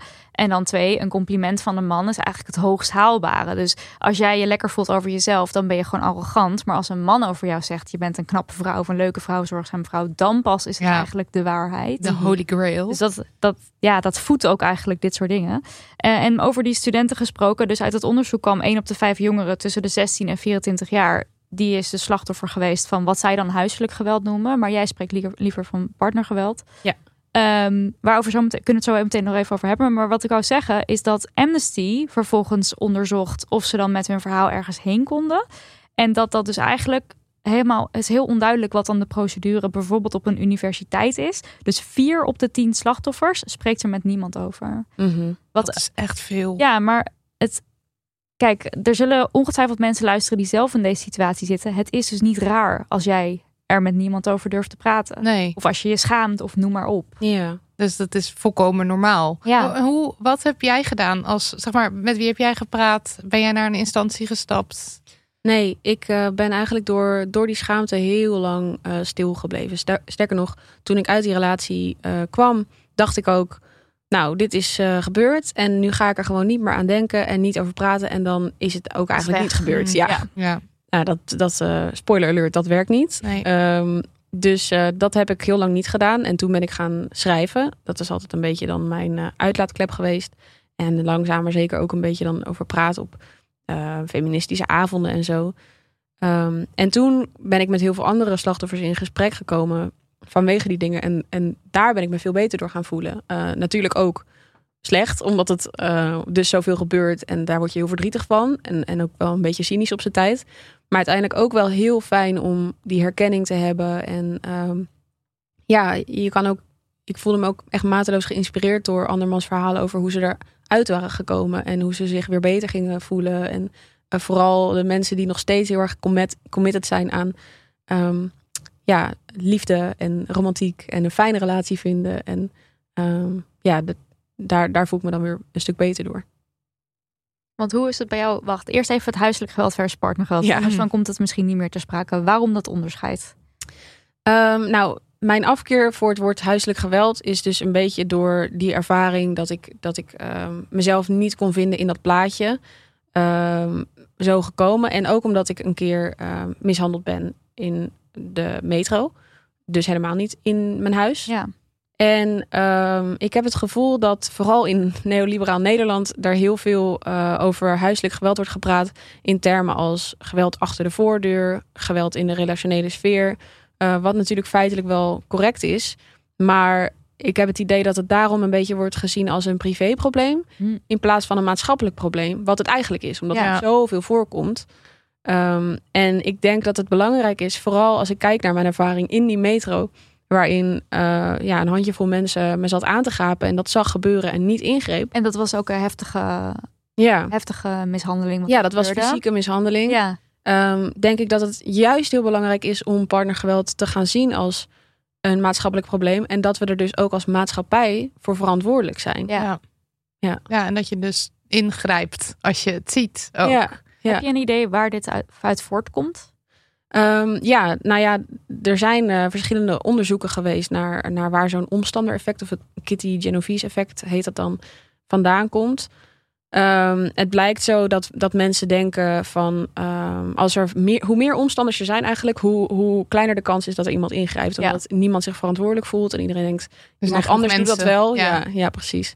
Ehm, ja, waarom dat precies zo werkt, dat, dat is moeilijk te zeggen. Maar het eh, is wel een, een situatie die, die veel voorkomt. Dat is een bekend, eh, bekend begrip. Hey, Ja. Jij schrijft ook over eh, als je eraan terugdenkt van oké, er was geweld in mijn huis en het kan niet anders dan dat mijn buren dat ook gehoord hebben. We kregen daar ook wat vragen over als je nou denkt dat iemand van je buren te maken Mm. heeft met partnergeweld, wat doe je dan? Ja. Ehm, ja, Ehm, nou, ten eerste is het wel belangrijk om te benoemen dat partnergeweld in elke situatie natuurlijk weer anders is. Dus het is heel moeilijk te zeggen om om een ja, het is heel moeilijk om een one size fits all antwoord te geven. Maar in elk geval kan ik aanraden om ehm, te proberen het slachtoffer te spreken eh, in een privézetting. Dus ehm, buiten het eh, oorbereik van dienstpartner. En ja, het is ook aan te raden als er niet sprake is van direct levensgevaar om eerder veilig thuis te bellen of een instantie die gespecialiseerd is in ehm, huiselijk of partnergeweld in plaats van meteen de politie erbij te betrekken, want dat kan soms ook juist de situatie escaleren. Ja. Als er wel sprake is van levensgevaar, natuurlijk wel 112 bellen. Ehm, maar in ieder geval, het, het, het, eigenlijk in elk geval is het het beste om het slachtoffer leidend te laten zijn in ehm, hoe je diegene zo veilig mogelijk uit die situatie loodst. Uh, dus als het mogelijk is, privé met het slachtoffer praten. Um, op een telefoon waar, waar de partner er niet bij kan. Of een computer bijvoorbeeld van de bibliotheek kan je met iemand chatten of zo. Um, zodat, ja, zodat de, de partner er geen lucht van krijgt. Ja, want er kan natuurlijk ook sprake zijn van controle van telefoon, appjes, uh, Facebook messages. Dus daar moet je ook echt op letten als zijnde iemand die wil helpen. Precies. Ja. Dus echt zo discreet mogelijk vragen aan een slachtoffer. Wat, ik heb deze vermoedens, wat is er aan de hand? Uh, je hoeft het me ook natuurlijk niet nu te vertellen. Maar als er iets is, dan kun je me zo en zo bereiken. En ja. dan ben ik er voor je. Ja, ik denk dat lijkt me inderdaad een heel goed idee. Dat je laat weten dat je er bent op het moment dat een slachtoffer er aan toe is. Ja, precies. Ja. ja. Hoe kwam je uiteindelijk uit deze situatie? Um, een beetje bij toeval eigenlijk, bij geluk zelfs. Um, we hadden uh, ruzie, ik en Louis. En um, hij stond uh, in een ongelukkige houding voor de voordeur die open stond. Oh, ja. En toen heb ik hem uh, eruit kunnen duwen. En dat was een heel bijzonder moment, want ik was echt helemaal afgebroken na die maanden. Um, ik zat er helemaal doorheen. Ik was mentaal echt ja, kapot. En uh, ik denk dat ik echt een beetje met mijn laatste krachten hem toen een zetje heb gegeven en de deur dicht heb gegooid. En toen wist ik meteen, die ga ik niet meer open doen. Ja. Nee. Ja. Je had natuurlijk ook, hij had geen sleutel, dus dat was ook een optie om op deze manier ja, dit te doen. Ja, het was vaak, vaak dus zo dat hij wel de sleutel had en dat hij wel naar binnen kon komen. En uh, maar nu had ik mijn sleutel binnen en de deur was dicht. En ik maakte even heel snel een flitsanalyse van de situatie. En ik dacht, ik hoef gewoon niet meer open te doen. Nee. Ja. ja. Maar dit is dus wel ook echt al na hele heftige bedreigingen en heel heftig fysiek geweld ja. geweest. Dat dit moment. Uh, ja, het was eigenlijk uh, meer een, een, depressief moment dan dat ik echt dacht, yes, wat een doorbraak of zo. Want uh, hij had me inderdaad, op een gegeven moment begon hij me zelfs met de, de dood te bedreigen. Mm -hmm. Toen ik um, ja, aangaf niet meer te willen. En um, waar ik daar eerst heel bang van werd en dacht van, ja, ik wil natuurlijk niet dat hij me doodmaakt, dus ik doe maar wat hij wil. Zat ik er nu zo doorheen dat ik dacht van, nou, je doet het maar. Ja. En ik denk dat um, misschien een beetje die, um, ja, uh, pessimistische instelling misschien ook wel... apathie eigenlijk bijna. Precies, dat dat me uiteindelijk een beetje de drive heeft gegeven om die risky move te maken en hem een zetje te geven en de deur dicht te, te knallen. Ja. Juist omdat ik echt zo uh, lak had aan alles. Ja. Echt een intens verhaal. Ja, ja. Oh, het was uh, erg intens. En was het zeg maar, toen jij hem buiten had gesloten, ging die weg? Hij ging gewoon weg? Nou, hij heeft nog wel een uur staan bonzen op die deur. Maar uiteindelijk is hij wel afgedropen toen ik de uh, opzichter heb ingeschakeld van het appartementencomplex. En um, daarna heb ik eigenlijk heel veel, nou geluk wil ik niet zeggen, maar in de meeste partnergeweldgevallen uh, heb je dus na zo'n escalerend moment um, vaak nog een lange periode van stalking ja. Ja. um, of zoiets. Uh, maar dat viel gelukkig heel erg mee. Hij heeft me een aantal berichtjes gestuurd, maar verder uh, heb ik niks meer van hem vernomen eigenlijk. Dus dat uh, was ja, fijn. een win voor mij. Ja. ja, en over die stalking hoor je ook wel dat de politie daar ook niet goed mee om weet te gaan. Het bekendste voorbeeld in Nederland is natuurlijk Humaira. Ja. Die, die dood is uh, geschoten. Ja. Waarbij zij ook ontelbaar vaak, ook een voorbeeld wat je noemt in je boek, ontelbaar vaak bij de politie um, aan de bel heeft getrokken. Ja, en, en haar ex had niet... contactverbod en straatverbod en zo. Het is ook echt die... een, um, als buitenstaander denk je misschien al, ma al makkelijk, de politie gaat het wel oplossen. Ja. Dat is gewoon niet zo. Nee. Of heel vaak niet zo. Ik wil ook niet, er zal ongetwijfeld misschien iemand luisteren die zeggen, nou in mijn geval was het wel. Tuurlijk. Dat kan ja. natuurlijk. Ja. Maar er vallen ook in de, de systemen, daar valt er ook gewoon nog heel veel winst te behalen. Um, heb je een soort theorie, hoe kan het dat partnergeweld zo groot is? Of dat we het met z'n allen maar in stand houden? Um, dat is wel een grote vraag. Ja, partnergeweld is wel echt een heel complex um, probleem waarin heel veel dingen meespelen. Maar ja, zoals ik ook inderdaad een beetje uitleg, probeer uit te leggen in mijn boek, denk ik dat het heel erg te maken heeft met seksisme en um, een beetje de entitlement van mannen um, in romantische relaties. Uh, op het moment dat um, bijvoorbeeld uh, dan zei van uh, ik wil niet meer, dan was er bij Bekir zo'n kortsluiting, omdat hij dacht: hoezo? Je bent van mij. Ja. Je bent mijn vrouw. Hmm. En jij mag niet zelf kiezen dat je niet meer met mij wil zijn. En ik denk dat dat ehm één attribuut is van het patriarchaat. Die ehm, zeggenschap die mannen denken te hebben over hun vrouwelijke partners. Ja. Dat dat heel erg meespeelt in de meeste heteroseksuele partnergeweldzaken. Ehm, en natuurlijk in de zaak uh, Humeira was het ook eh, natuurlijk dat ze met racisme te maken kreeg Mhm. bij de politie. Ehm, waar eh, agenten zelfs in een WhatsApp-groep over haar dood zeiden: weer een Turk minder. Ja, echt heel verschrikkelijk. Ja, Ja. en dat is, ja, mensen denken inderdaad snel van: oh, je gaat naar de politie en die fixen het wel. Maar dat is niet zo vanzelfsprekend. Al helemaal niet als je een vrouw van kleur bent. Ja. Nee, want als je als witte vrouw daar aankomt zetten, heb je waarschijnlijk alweer meer kans dat je wel geholpen wordt dan. Ja. Ja, maar ook in mijn geval hoor. Ik bedoel, eh Louise die ehm, eh, was al een aantal keer eerder met papieren van de politie thuisgekomen. Omdat hij dus de hele tijd eh, dingen van de supermarkt aan het stelen was. En hij had daar zo totale scheid aan dat ik dacht, ja, ik kan nu wel naar de politie gaan. En hoe goed ze mij als eh eh, me- wit mevrouwtje ook behandelen. Op zijn minst, of op zijn meest krijg ik een contactverbod. eh, die ik kan opleggen. Maar Mhm. ik, ja, hij bespaart ongeveer politiepapieren. Dus ik weet echt wel dat hij daar Ja, nee, dat, Hij is daar gewoon niet, eh, Nee, dat gaat geïntimideerd voor of iets. Nee, totaal niet. Nee. Nee. nee. Ehm, hier vraagt iemand: How to heal after? Ik ben gisteren weggegaan. Moeilijkste beslissing ooit. Oh, nou ja. Ja. Ten ik gooi er nog even een vraag in. Ja. Ten eerste wat supergoed. Wat, wat ontzettend knap. En wat mag je daar heel erg trots op zijn. En ehm, ja, het is eh, misschien wel een beetje vervelend om te horen. Maar healing is not linear. Nee. Nee. Je denkt misschien op een gegeven moment van... Ik ben er nu, maar er zullen altijd momenten zijn... dat je toch weer even verdrietig bent. Maar dat, dat mag ook helemaal. En ehm, daar moet je even de tijd voor nemen. En eh, ja, wat mij heel erg heeft geholpen is eh, schrijven. ehm, eh, in therapie gaan. Ik heb EMDR-therapie gehad en exposure therapy bij een hele fijne therapeut. ehm, die me daar heel erg mee heeft geholpen. Ehm, ik ben heel veel boeken gaan lezen, zoals All About Love van Bell Hooks. Mooie boeken over de liefde, eh, die me heel veel hoop gaven over wat voor fantastische mensen er ook allemaal bestaan op de wereld, die hier eh, zulke zinnige en eh, mooie dingen over te zeggen hebben. Ehm, ja, de, healen kan echt op zoveel verschillende manieren. En het is echt een beetje je eigen ehm, reis die je moet afleggen van wat werkt voor mij en wat vind ik fijn. Maar in ieder geval daarover praten met mensen. Ehm, en weten dat je beter verdient. En ehm, dat je al het geluk en alle liefde in de wereld verdient. Dat is eh, een mooie start.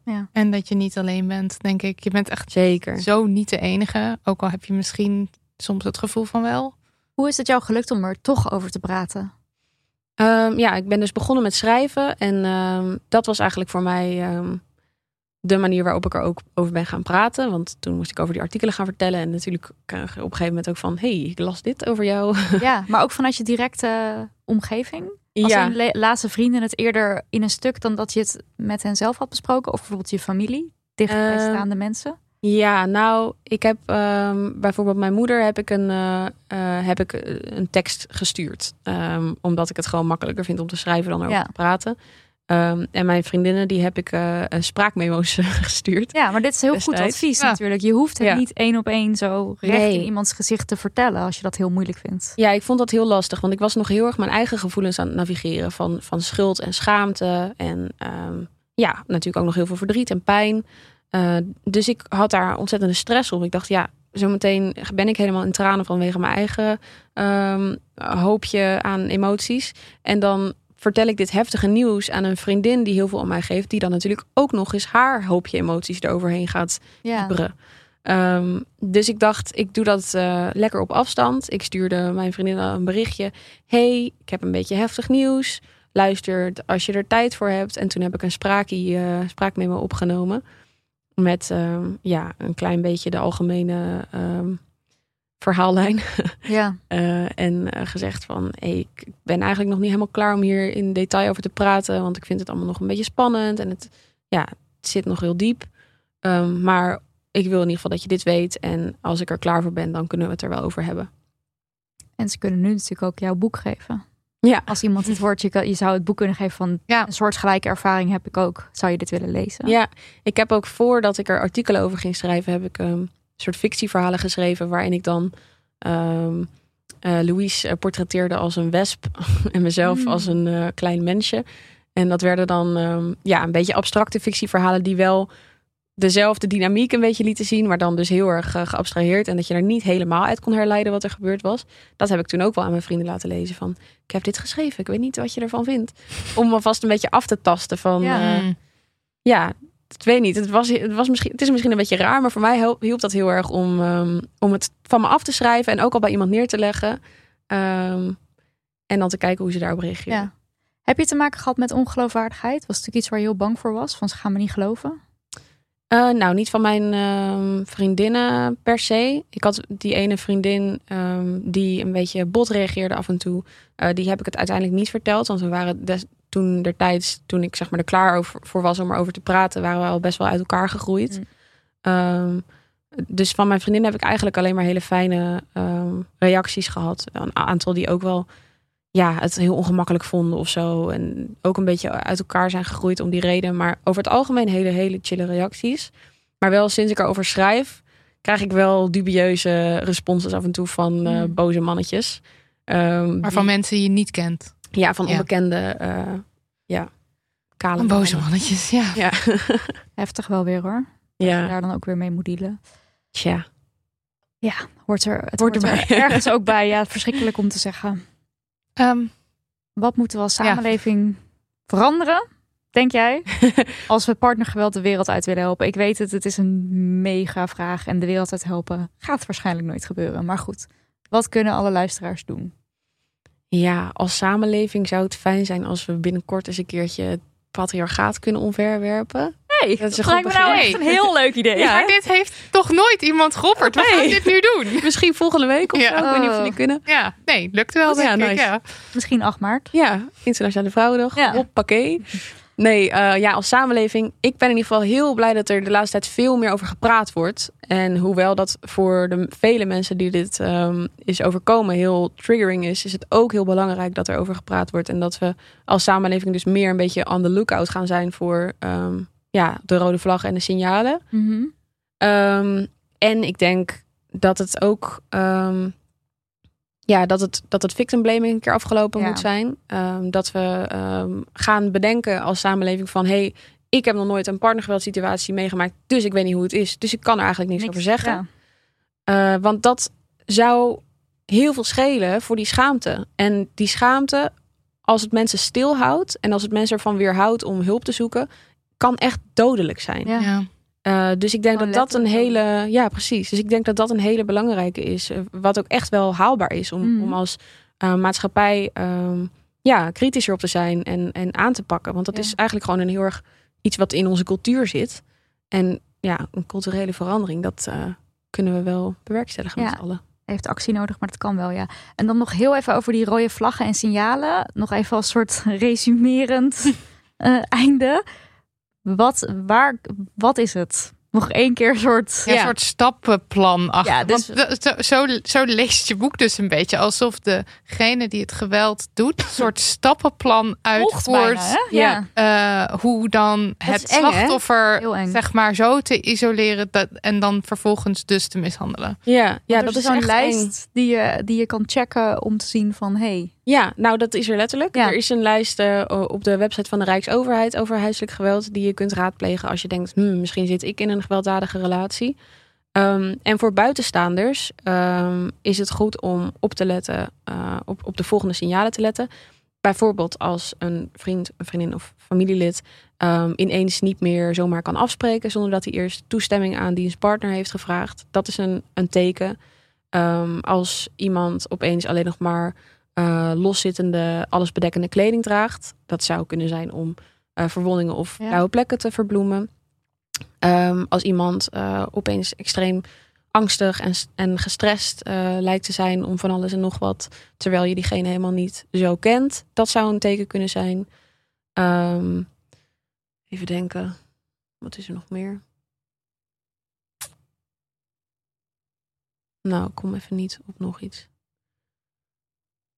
Mm, oh ja, het is ook wel een, een, een beetje een voorbode van partnergeweld. eh, mits het een heteroseksuele relatie is. Is als je merkt dat er heel erg een soort van hele traditionele genderrolverdeling Oh ja. is. Ja. Dat is natuurlijk niet per definitie slecht. Want je kan prima een huisvrouw zijn en hartstikke fucking geëmancipeerd.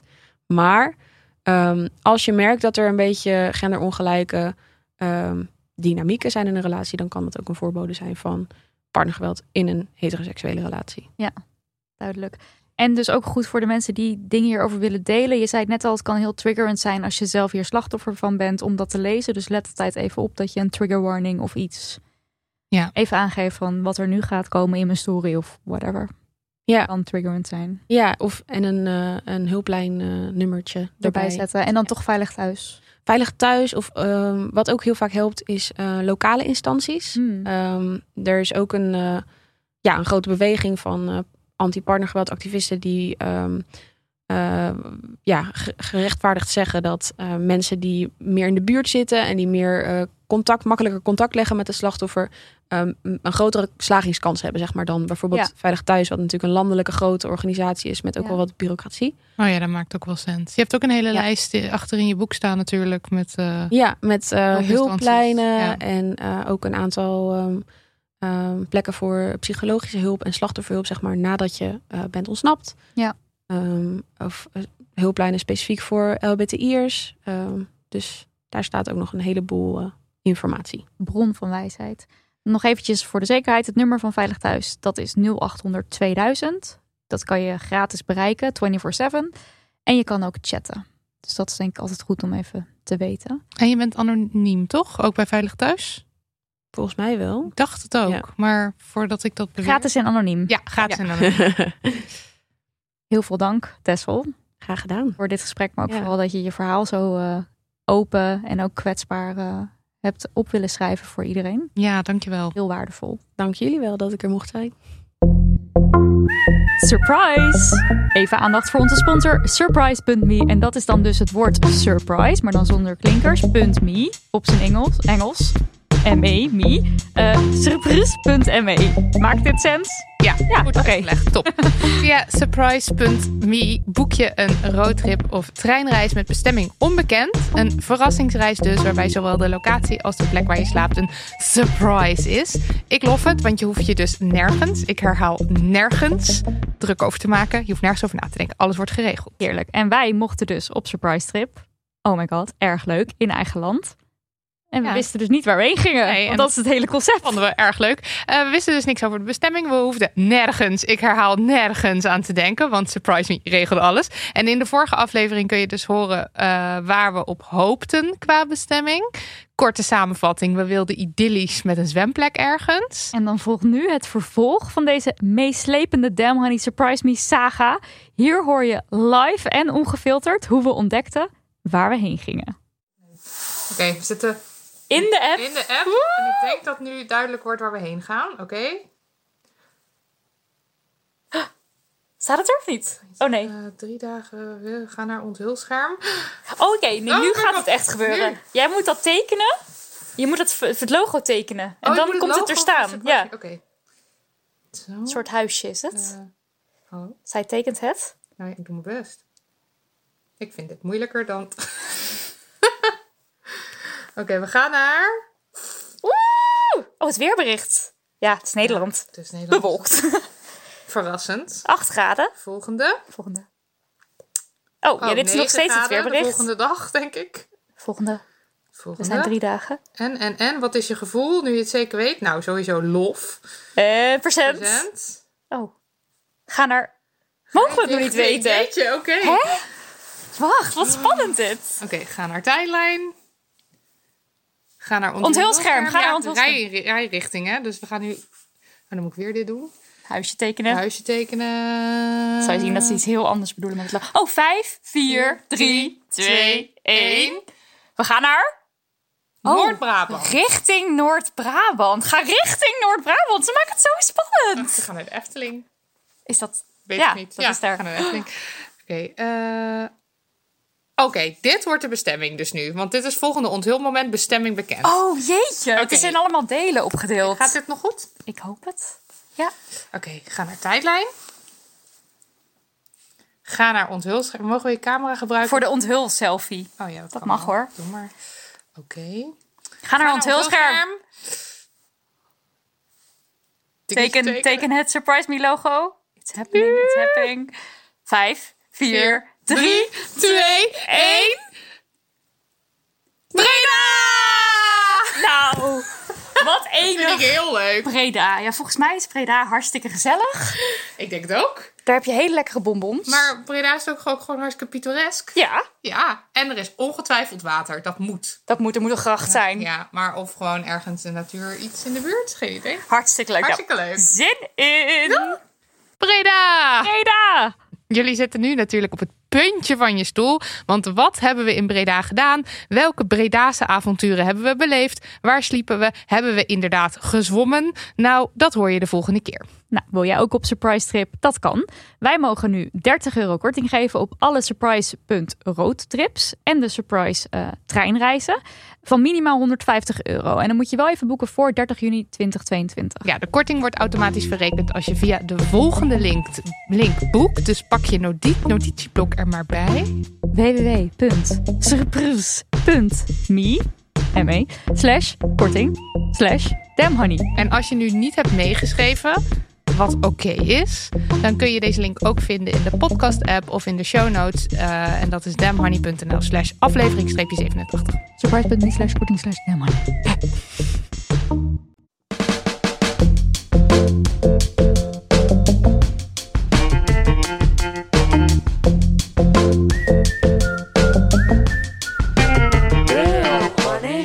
Tijd voor onze afsluiter, de Damn Honey Yes, de Damn Honey No. Marilotte, wat is jouw no? Ik ben boos om energiearmoede. Anders ik wel. Ja, echt. Tessel eh, ook zo. Ja, zeker zit hier, iedereen zit hier te knikken. Eh, ik zag ehm, op Twitter vooral nu ook. Ik bedoel, ik weet dat de gasprijzen stijgen, obviously. Maar ik zag op Twitter ook ehm, echt van mensen die dan zo noodkreet van: oké, mijn energierekening is nu van eh, 150 of 100 euro per maand naar 350 per maand en ik kan het niet betalen. Ehm, dus, eh, nou ja, dat op zich is al vreselijk. Ehm, heel even energiearmoede eh, zijn, is de situatie waarbij de energiekosten een te groot deel van je inkomen opslokken. Eh, dus moeite hebben met de energierekening betalen. Nou, nu zijn de gasprijzen en de daaraan gelinkte elektriciteitsprijzen omhoog gegaan. Ehm, eh, dan zie je, nou ja, het gevolg daarvan is dus dat je die bizarre tweets ziet van bizarre bedragen van mensen wat ze opeens moeten betalen. Ehm, maar al voor die prijsstijgingen eh, van 2021 kon al één op de zeven huishoudens de energierekening eh, niet op tijd betalen. Ja. En daarnaast verbruikten nog zo'n 140 140.000 huishoudens minder energie dan ze zouden willen. ja. Door bijvoorbeeld de verwarming laag te zetten of geen warm eten te maken. Omdat ze dus moesten besparen. Ja. En voor hen is een prijsstijging van zo'n 100, 150 euro per maand, wat het dus wordt, ehm, gemiddeld voor de mensen, is, is gewoon niet te doen. Nee. nee. Ik kom zelf uit een gezin waar dit dus ook speelde. Dus ook, eh, we hadden sowieso alleen maar verwarming in de woonkamer en nergens anders. Dus niet op onze slaapkamers en zo. En het was dus ook echt, ehm, ja, de verwarming dus niet aanzetten en heel goed opletten. En ik was dus dikke laatst, truien aantrekken ja, en ik was zo. laatst heel even bij mijn ouders. Dit speelt nog steeds. Het is niet dat mijn ouders opeens de jackpot gewonnen hebben. En dan zie ik dus mijn vader, die is dus 82, in een soort over, oversized hoodie. En hij maakt er dan een grapje van. Maar Het is eigenlijk niet. heel tragisch. Dat kan echt niet. echt. Nee, ja. want je moet gewoon in je huis, je moet je huis toch kunnen verwarmen als, Precies. als mens Ja. in Nederland. Ehm, als mens überhaupt trouwens. En het is dus eigenlijk ook weer te schrijnend dat dit dan dus nu weer... Kijk, nu krijgt het aandacht. Nu gaan we er waarschijnlijk ook in talkshows over horen en in de kranten. Maar echt ja, want energiearmoede was al een ding voor deze een enorm ding. Hè? Want stel je Ja. voor, je komt thuis en vooral ook als je jonge kinderen hebt en het is ijskoud in huis. Want Ja. dat, is de, dat is de situatie. Bij ons stonden gewoon de ijsbloemen op mijn slaapkamer. Die Ja. stonden op het raam. Het was gewoon ijskoud. En het was, weet je, ik ben echt helemaal, het is helemaal oké. En er zijn echt nog veel schrijnender situaties. Maar het is, ook, het is ook slecht voor, je, eh, voor de huisomgeving. Er kan bijvoorbeeld schimmel komen in je huis. Eh, je kan er sneller ziek van worden, omdat je het eigenlijk altijd koud hebt. Ja, het is gewoon echt gezondheidswise ook heel ja, Ja. gevaarlijk. Ja, en wat zeg maar weird is, want oké, de, de, die prijsstijgingen zijn er nu. Dus het kabinet heeft gezegd, we gaan een, ehm, we gaan een, eh, hoe noem je dat? We gaan compenseren. Ehm, Maar wat ze dan doen is zeggen, eh, gemiddeld eh, gaan we 400 euro per gezin betalen. Maar daarin maken ze dus helemaal geen onderscheid in eh, of je arm of rijk bent. Dus het komt ook terecht bij de mensen die het wel zelf kunnen betalen. Terwijl dus de zwaarder gedupeerde groepen het harder nodig hebben. Ja, en die kloof wordt alleen maar groter. Ja, want uh, het is dus ook nog zo. We, we zitten in een energietransitie. Want we willen natuurlijk het klimaat. we willen het klimaat behouden of helpen of whatever. En uh, de wereld redden. Nou, de wereld redden. Dus we willen graag met dat mensen, weet ik veel, uh, zonnepanelen hebben. En um, uh, nou, ik weet niet wat al de maatregelen zijn, maar dat je die aanschaft. Dus daar kun je subsidies voor krijgen. Maar mensen die de energierekening niet kunnen betalen, die kunnen natuurlijk ook niet, Tuurlijk niet. dure zonnepanelen nee, joh, we, mijn ouders hebben niet eens centrale verwarming. Dat kunnen ze niet betalen om dat aan te laten leggen. Dat Nou, zijn ouderwetse gaskacheltjes. Dus wat je doet ook met, met deze rare compensatie is zeg maar de, de rijke mensen die de rekening al konden betalen, die hou je rijk en die kunnen dan ook nog die subsidies aanvragen voor, die, voor al die maatregelen om de boel beter te isoleren. Dus die worden eigenlijk alleen maar rijker en gaan erop vooruit.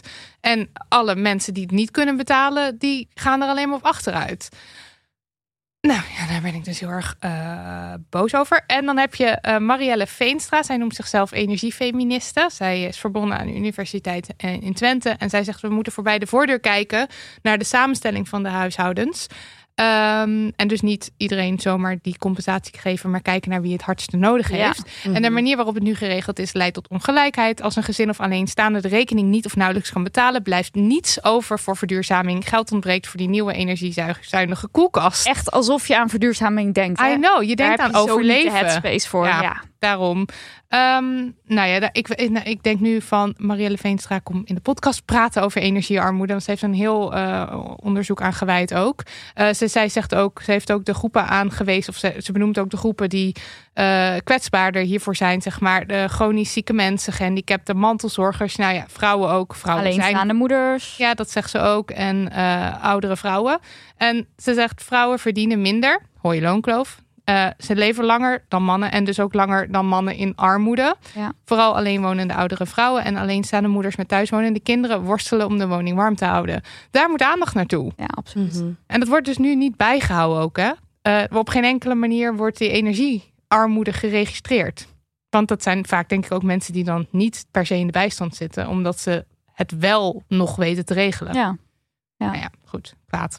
Nidia. Boos. Eh, Nou, Tessel heeft Tessel. ook een yes, Ja, had ik geschreven. Ja, ja Bring it. Ik heb een, een Damn Honey Yes, maar wel een beetje een Damn Honey Yes onder voorbehoud. Um, want Ja. er is nu natuurlijk na uh, de Voice-schandalen en uh, al het seksuele wangedrag wat de laatste tijd in het nieuws is geweest, is er eindelijk uh, door de overheid iemand aangesteld die dat eindelijk eens een keertje gaat aanpakken. Ja, Yes. wow. Een uh, heuse secretaris grensoverschrijdend uh, gedrag, geloof ik, of seksueel grensoverschrijdend gedrag. Mhm. Um, en nou is dat een ontzettende dikke damn honey yes, mits ze dat goed gaat doen natuurlijk. Ja, want Ja. Dat, dan krijg je ook weer de bureaucratie en eh, de regeltjes en dingetjes. En, Nou, eh, dat. ja, die ambtenaar, weet ik veel wat allemaal. Maar Ja. oké, het is een eerste stap. En de, is, is er iemand aangesteld? Wat voor iemand is het? Ja, het is iemand aangesteld. Ik ben even haar naam Mariette ontschoten. Hamer, toch? Oh ja, Mariette Hamer. Ja. Oh ja, oh ja. Daar zijn we wel bekend mee. Want Ja. zij heeft ook in de SER gezeten om meer vrouwen aan de Ja. top te krijgen. Ja. Dus wel iemand die op het vlak van emancipatie... ehm, Zich hard maakt en Ja. het serieus neemt. Maar inderdaad wel, ehm, ik, ik, het is een, een yes onder voorbehoud. Omdat ik denk, er is nog heel weinig duidelijk over wat precies haar eh, taken en bevoegdheden gaan zijn. En het voelt ook een beetje alsof ze nu zo'n labeltje hebben gemaakt. Zo van, dat is nu haar verantwoordelijkheid. Hmm. Dus wij halen onze Ja, pootjes ervan af. En daar ben ik een beetje bang voor. Ja, het kan natuurlijk ook weer zo'n zo'n ding voor de bühne zijn. Ja, en Ja. waar we het net ook over hadden, we hebben, we- er is gewoon sprake van cultuurverandering die je op gang moet brengen. En dat een loketje of een. een dat, Secretarisje hier en daar. dat is uiteindelijk, het is veel breder dan dat. Maar goed, het is. Het is iets. ik is vind een het ook een, een yes. Ja. yeah. Dus we gaan nu van de no naar een yes onder voorbehoud naar een yes. ja, maar mijn yes die komt wel weer voort uit een no. Dat is eigenlijk altijd zo bij een yes. Want waarom is iets yes? Omdat het hier. hiervoor kut was. Ja. Ehm, bij carnaval, als deze aflevering verschijnt, is namelijk carnaval. Je moet carnaval zeggen, geloof ik. Carnaval. Niet Eh, aan mij dingen zijn vragen over. altijd de mannen die de scepter zwaaien. En ehm, nou, het is dus zo dat carnaval eigenlijk bedoeld is als een soort tegen de macht. Een soort Mhm. omkering van de macht. Dat is wat het is. En dan schrijft NRC er vervolgens over. Eh, het is de tijd dat Prins Carnaval en zijn gevolgen regeren. Dus de machthebbers hebben even niks te zeggen. Maar kan er van echte omkering sprake zijn als ook tijdens het feest, komende week, vrouwen geen rol van betekenis spelen? En dat vond ik zo'n goeie, want Ja. ik dacht, ja, omkering van de macht me reet. Want het zijn gewoon weer gro- grotendeels mannen die eh, die verenigingen eh, leiden. En je hebt dan de Raad van Elf en je hebt Prins, Prins Carnaval. Ja, geen prinses carnaval. Nou, eigenlijk niet. Nee, er, zijn, er is geloof ik één dorp waar de Raad van Elf uit alleen maar vrouwen bestaat. En dus ook een prinses carnaval heeft. Oh, maar dat is een klein dorp en het is ook echt een uitzondering. En dat is geloof ik gekomen omdat eh, de mannen die hadden geen zin meer om de hele tijd voortouw te nemen of zo. En toen waren de vrouwen van oké, dan gaan wij het doen. Dus dat is al op zich een yes. Maar wat ik ook een leuke yes vind, is dat wij eh, op het spoor kwamen van Carlijn van Kruchten. En eh, zij heeft zichzelf uitgeroepen tot de eerste fanloze prinses carnaval dit jaar. Love it. En ze schrijft ook op Instagram: de nostalgie en traditie hoeft niet te verdwijnen. We moeten alleen meegaan, meebewegen met de tijd. En nou was ik heel even in de DM van Carlijn geslide. Eh, dus live vanuit de eh station fietsenstalling op Arnhem Centraal presenteer ik jullie een voiceberichtje van Carlijn. wilde ik aan de hand van emancipatie en over jezelf laten horen en klinken en je eigen mening, dacht ik: oké, ja, ik kan nu wel met mijn borsten bloot in Venlo gaan staan, maar dan komt het bij niemand binnen. Dus dacht ik: ik eh, roep mezelf gewoon uit tot prinses van Venlo. Ehm, en dan komt het misschien wel bi- binnen. Dus ik heb een, eh, een speech gemaakt. Een manifestatie waarom Limburg, waarom Venlo wel klaar zou zijn om een, eh, een, een, prinses te krijgen. En eh 188 jaar bestaat nu de Jokers. Dat is de carnavalsvereniging, oftewel de vastelovendvereniging. En ehm, ja, dat is natuurlijk... dat kan natuurlijk niet. En uiteindelijk had ik die voorstelling eh, gedaan en veel positieve reacties. Maar de dag erna er zijn heel wat mensen komen kijken in Venlo die dan weer via via andere mensen kenden. Barstte het media los in Venlo. Nou, kranten die gingen dus, eh het mediacircus barstte los en kranten die gingen dus vragen aan carnavalsverenigingen van, eh, nou, wat vinden jullie ervan? En sommige mensen die zeiden natuurlijk, ja, het is helemaal top, maar er waren ook heel veel mensen die zeiden, het moet gewoon een man blijven, want het is traditie. Nou, daarover heeft Carlijn het volgende te zeggen. helemaal van mening dat er beweging moet komen en dat traditie in beweging moet zijn. En dus niet dat het alleen maar witte mannen, witte kale mannen zijn die daar het roer hebben in Venlo. En alles mogen bepalen. En nu zijn er ook bijvoorbeeld reacties geweest van... oké, ja, vrouwen mogen zeker meedenken... of die mogen in onze commissies zitten. Maar nee, ze mogen niet in de Raad van Elf... of vorst zijn of prins zijn. Dus dat is eigenlijk een beetje de tegenreacties die ik krijg... of die ze in de krant zetten. En ze gaf ook aan dat het best wel eenzaam is. Want daar sta je dan eh, bij zo'n vereniging voor zo'n grote groep mannen. Die hebben vaak ook een enorme achterban. Eh, en zij gaat daar toch alleen staan. Dus daar ook echt wel eh, respect voor dat ze dat doet. Ja. Nou is het zo dat ze niet alleen maar het prins slash prinses carnaval eh, aspect aanpakt. Maar ook nog het volgende.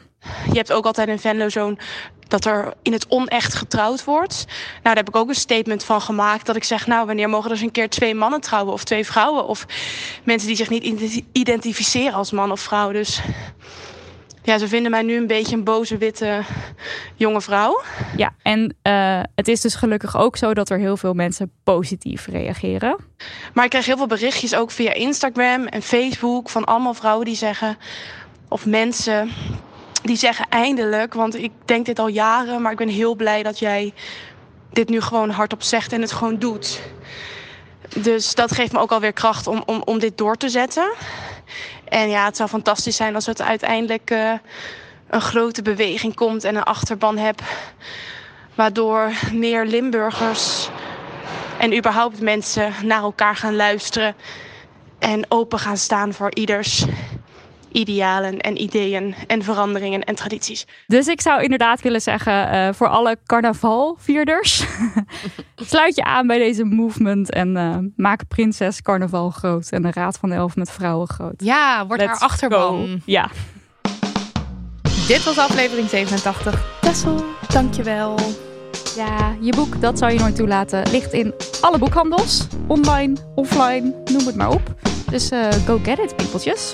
Dankjewel Daniel van de Poppen voor de edit, Lucas de en Liesbeth Smit voor uh, ook nog de jingles en de website. En hallo en erg veel dank aan alle geweldige mensen die ervoor zorgen dat het transcript van aflevering 86 in no time, maar echt in no time op de website stond. Uh, bedankt Paula, Marloes, Manon, Megan, Fenne, Frauke, Lieve, Sabine, Suzanne, Elise en wederom dank aan Annabel die een oude aflevering uitwerkte. Ja, love it. Spread the word, vertel je collega's en het bakkertje op de hoek over Damn Honey. Dat vinden we leuk. Ja, ook leuk voor het bakkertje.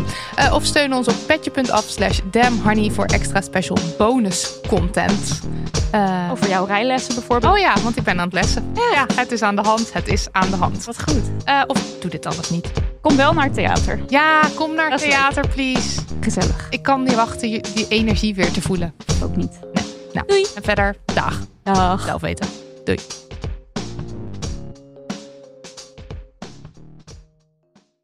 Kussens, bedden, matrassen, beddengoed. Emma Sleep heeft het allemaal. Ga naar emma-sleep.nl om van jouw slaapkamer een slaapparadijs te maken. Er is nu moederdag sale gaande met kortingen die oplopen tot wel 50%. Gebruik de code DAMHONEY voor nog eens 10% korting daarbovenop.